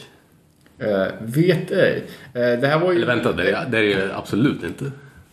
Jag, jag tar tillbaka det. Radera. eh, Valpurgis är ju då Sankt Valpurgis. Som jobbade, eller som, som försvarade folket mot sjukdomar och häxor. Det är nu häxorna kommer in. Ja, men det var ju konstigt. att- Jag, jag, det, jag, har allt det här med blåkulla och sånt, det är ju också valborgsmässoafton, eller hur? Jag vet inte. Jag tror, jag tror det. det är i samband med påsk. Jo, det kanske det. Vad fan? Vi är så jävla risiga på svenska högtider. Men eh, jag har alltid tänkt att, att det här var en låt för, liksom pro-häxor. Ja, Men den här jävla Valpurgis var ju mot häxor. Eh, intressant här eh, ser vi omslaget, den klassiska Charles Man... Eller klassiska. Eh, för Integrity Fans klassiska bilden där en typ av Manson, Charles Manson-figur med Henry Rollins tatueringar sitter framför Kreml. Alternativt annat eh, slott med lökkupoler. Jag skulle lyssna på den sjuan idag för att komma in lite i stämning.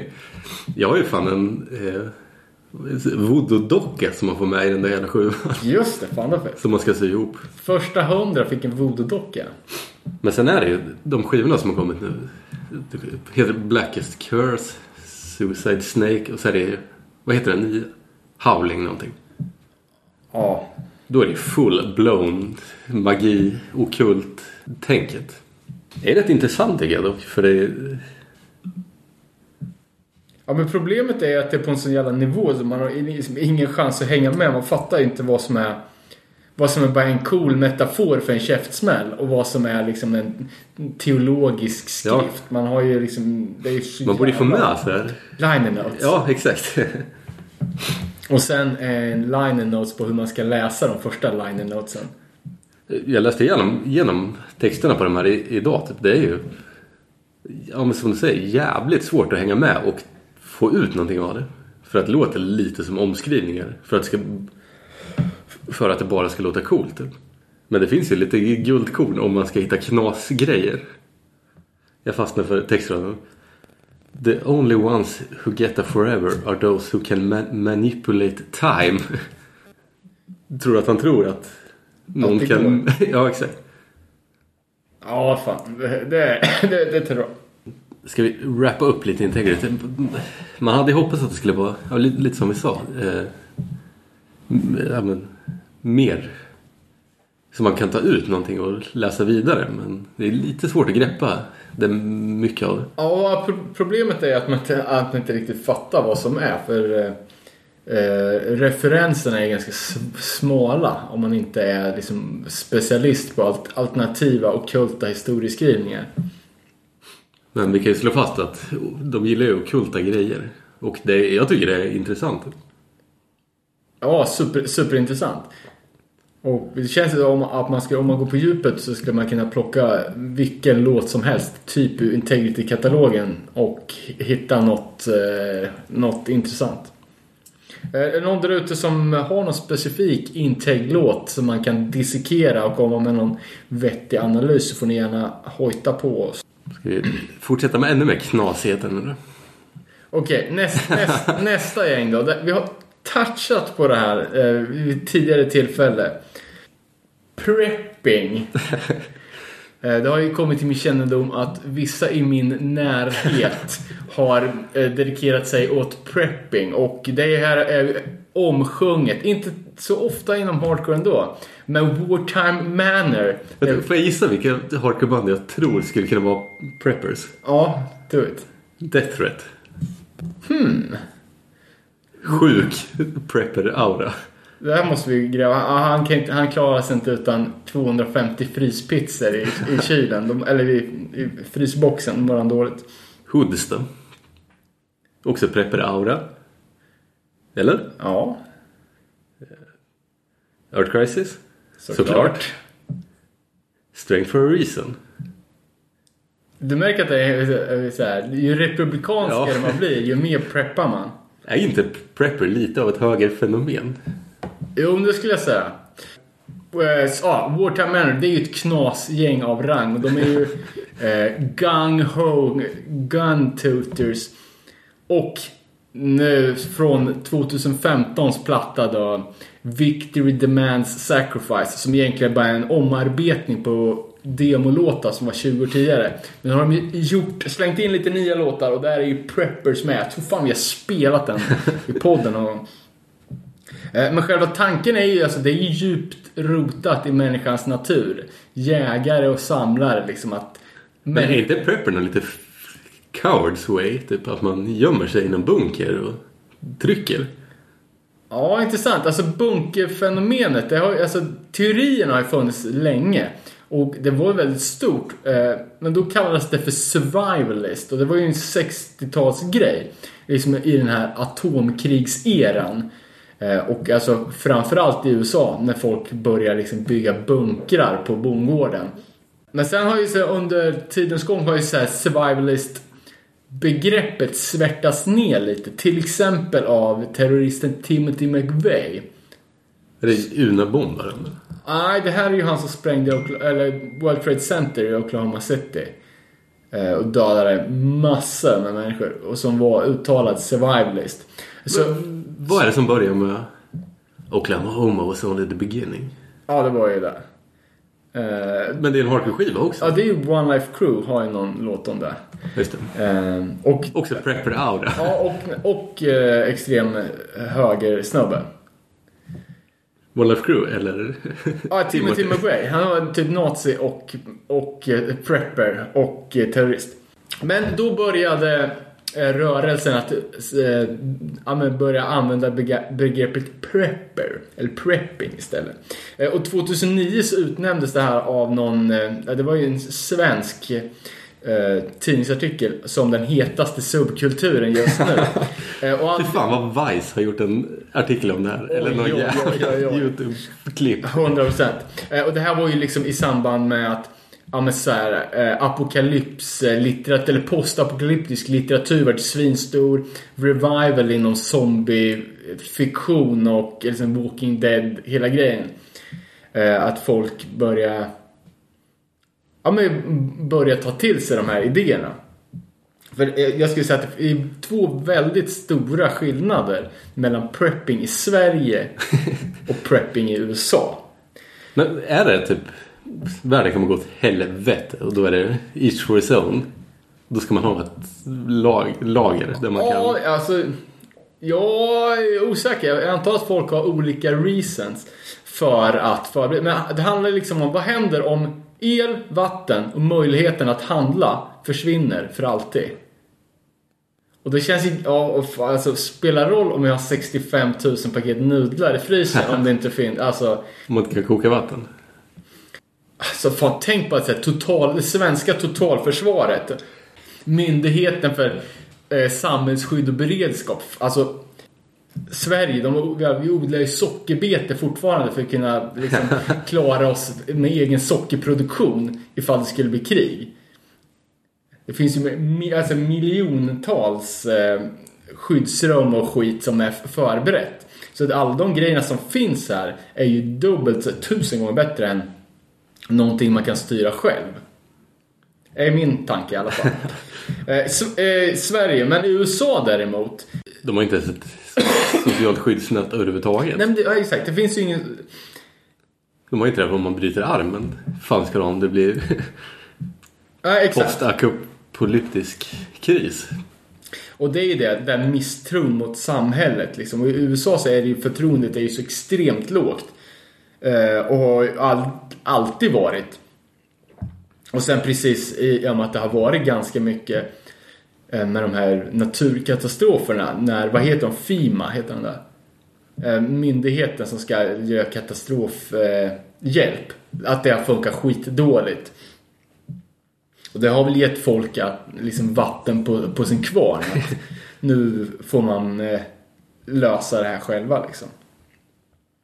Och det är ju alltså, det är ju typ som en mysig vuxenlek. Att man håller på och packar inför en semester typ. Om skiten träffar fläkten. Då ska man ju vara jävligt väl preppad för att det ska ha någon som helst betydelse. Ja, du och jag hade ju rykt direkt. Nej men vad fan ska man sitta med 250 liter diesel på vinden för att kunna ha el i två veckor? Och sen så dör man. Liksom, då kan man ju lika gärna skita i det. Det känns som att det är jävligt mycket vapen inblandat också. Ja, och USA är, ja, kanske i Sverige också. Det, Att man ska skydda sin diesel. ja, men exakt. Och eh, ja, det är ju en högergrej liksom att, och det går ju väldigt i hand med, hand i hand med second amendment-tänket.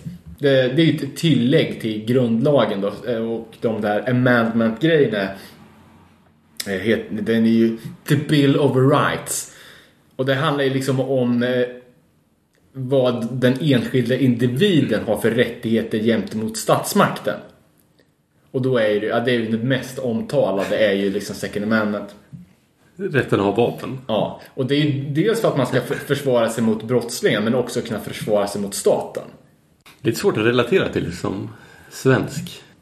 Okej, men vad sa du? Wartime Manor. Handlar låten om prepping? De är ju liksom vapentokar och de, ja, de gör sig beredd på alltså att Är de rednecks typ? Jag har inte riktigt lyssnat på dem. Vad är de ifrån? De är från Troy utanför New York. Så ja, jag vet inte riktigt hur, hur det ser ut där. Om det är... Men jo, visst fan är de rednecks. De har ju liksom kam och keps och skägg så att det är klart de är rednecks. De är inte veganer. Nej, det, det har jag väldigt svårt att tro. Eh, och det är ju också ett, en annan eh, input på det här liksom att fan, om man kanske istället tar och lever på ett sätt som inte eller om man lever på ett sätt som försenar klimatkollapsen lite. Det kanske är nästan är bättre än att man ska bunkra på sig med, Med diesel. med, med diesel eller ha en jävla extra vattentank hemma som man ska gå och liksom, röra i var tredje vecka. Undrar hur stort det är i Sverige dock. Ja, jag kollade Facebook, Facebookgruppen. Jag gick inte med, men det var ju 30 000, 30 000 medlemmar. Och grejen är ju också att eh, preppers vill ju inte att andra ska veta att man är en prepper. För det är helt onödigt att ha 65 000 liksom, paket Det är det bästa, man nudlar om grannen vet att man har det. Ja, exakt. Men det är det som är nice. Då behöver man inte vara en prepper. Om man känner någon som är en prepper. Då kan man ju bara glida med. Ja, men då är det liksom... eh, Det är då de Vapnen kommer in. Ja, exakt. Det är då de verkliga lojaliteterna, lojaliteterna sätts på sin spets. Jag kanske, jag kanske gillar dig när allt är, allt är frid och fröjd. Men om du ska komma och ta mina nudlar, då, då tar jag fram bössan. Liksom. Rör du min diesel då jävlar. Och det går ju, ja, så, som sagt, lite hand i hand med vapen, vapenhysterin. Och ett band som, det var ju lite, alltså man, man hade liksom inte fattat att, eh, att det fanns liksom ens republikanska hardcoreband eller folk som hade så högertankar. Eh, och sen när Earth Crisis kom ut med sin typ temaskiva Slither som handlar om rätten till att ha vapen. Då var det bara, jaha, fan är det här? Jag trodde alla var liksom hippie-veganer. Och framförallt den titelspåret, Slither, liksom, there is no reason that law-abiding citizens should not possess the means to defend themselves. och sen resist mind control. Så det är ju också liksom att ja, vi, ska, vi ska ha vapen och att eh, samhället håller på med hjärntvätt på statlig nivå. Liksom.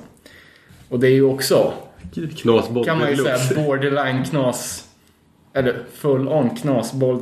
Nej men prepping känns ju generellt som en jävligt amerikansk grej. I alla fall om man jämfört med Sverige. Och, eh, och det stod att 4 till 9 miljoner amerikanare är eh, engagerade i prepping behavior. men att det har ökat sen mätningen 2013. Och ytterligare 16,5% av, av den amerikanska befolkningen eh, bedrev någon typ av moderat eh, prepping. Alltså de småpreppar lite. Men det liksom, finns det ingen offentlig sektor och krisberedskapen är kass, då har man inte så mycket och falla tillbaks på. Nej, det, det finns ju noll att falla tillbaks på.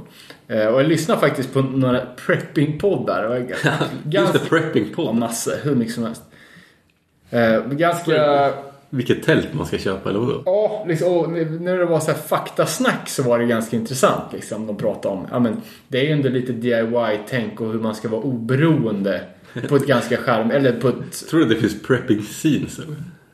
Ja, rätt. Men sen är ju folk också eh, inte alltid så villiga att... Eh, det var ju... Ja, det är två. Alltså, vissa är ju jävligt eh, öppna med det och vill att alla ska preppa. För att om alla har preppat då kommer det bli mindre kamp om det som finns. Medan vissa vill hålla det hemligt och låta de andra liksom bara dö ut och sen vara ensam herre på täppan och kan gå ner till Gucci-butiken och ta åtta kepsar liksom. Eh, Men det som blev lite, alltså när de började prata om... Alltså det fanns så jävla nedlåtande ton mot andra människor liksom som inte var upplysta. Liksom att... Någon eh, sån här woke-grej eller? Ja men, ja, men typ att folk eh, men de såg sina medmänniskor som parasiter.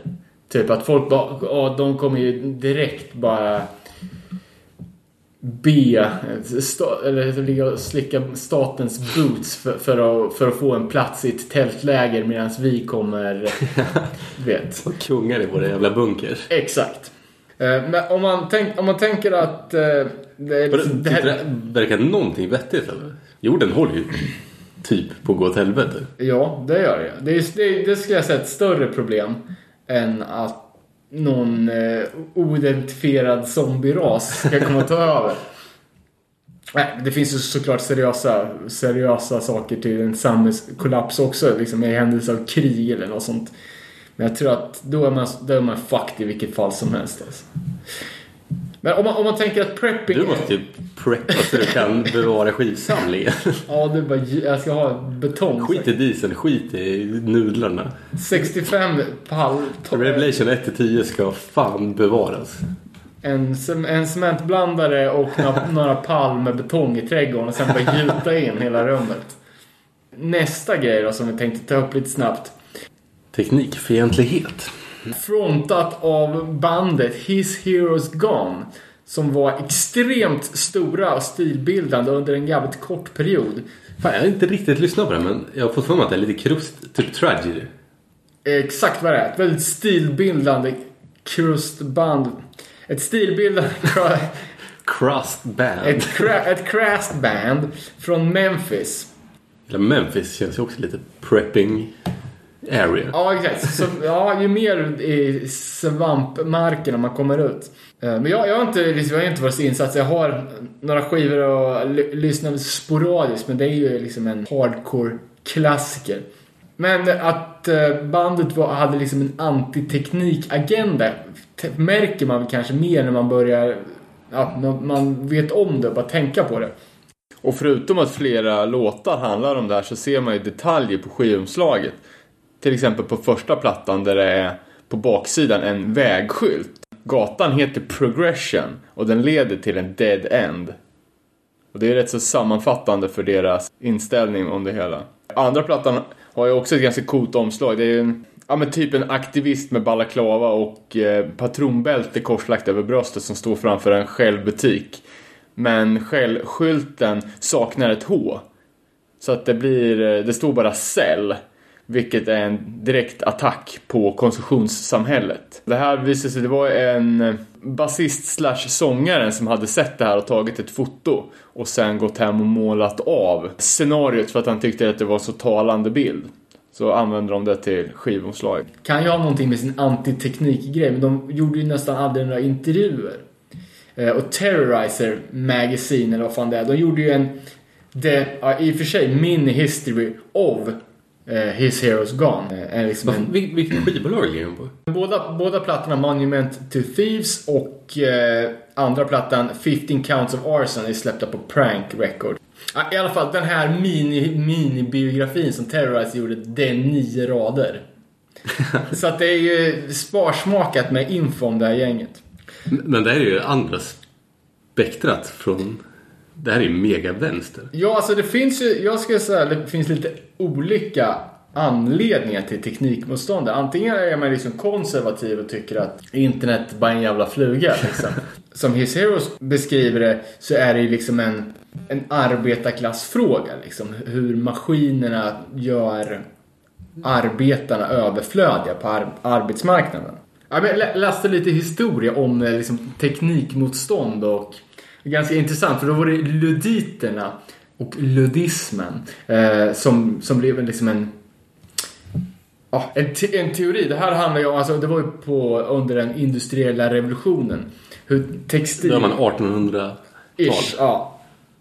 Hur industriarbetare liksom märkte att eh, ja, förnyad liksom, teknik gjorde att lönerna sänktes och att eh, folk riskerade liksom, massarbetslöshet. Och som svar på det här då, eh, så nattetid då, så, så bröt de sig in på de fabrikerna som hade börjat sänka lönerna och förstörde maskinerna.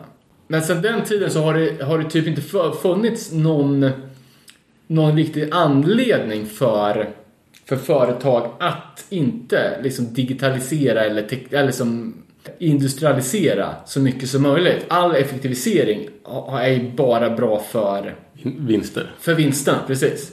Eh, Men nu står vi liksom inför ett, eh, ett eh, liksom, det finns ett storskaligt skifte i en väldigt snar framtid i och med AI-datorisering. Men vänta, His Heroes Gone.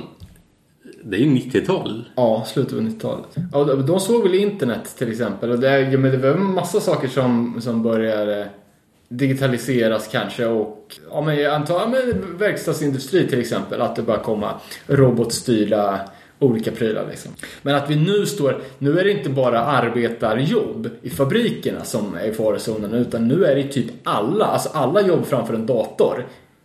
Medelklassens jobb är ju typ inom en kort framtid Jag läste fan helt att onödiga. journalist, det är en dator som skriver artiklar på typ alla hemsidor. Eller hemsidor, ny, eh, Ja, typ NA. Okej. Att det är typ en dator som kl- klistrar ihop att vet, det här fotbollslaget vann mot det här laget. Och sen typ skickar den ett sms till någon tränare som svarar och så citerar den det typ. Och gör en proper artikel av det. Ja, det är ju fan ganska skrämmande och man kan ju tänka sig liksom om det med flit inte bromsas lite av den här utvecklingen att Fan, ja, sorry, pratar inte vi om den datorn som hade gjort metal? Jo, men precis. Ja, men exakt. Att, att det finns en, en AI en AI-dator som kan, som kan, Som kan göra det bättre? ja, som, än, som streamar 24-7 metalplatta. Liksom. Och det här har ju lett till liksom en, en debatt om att man kanske är dags att börja jobba mindre men att behålla samma lön.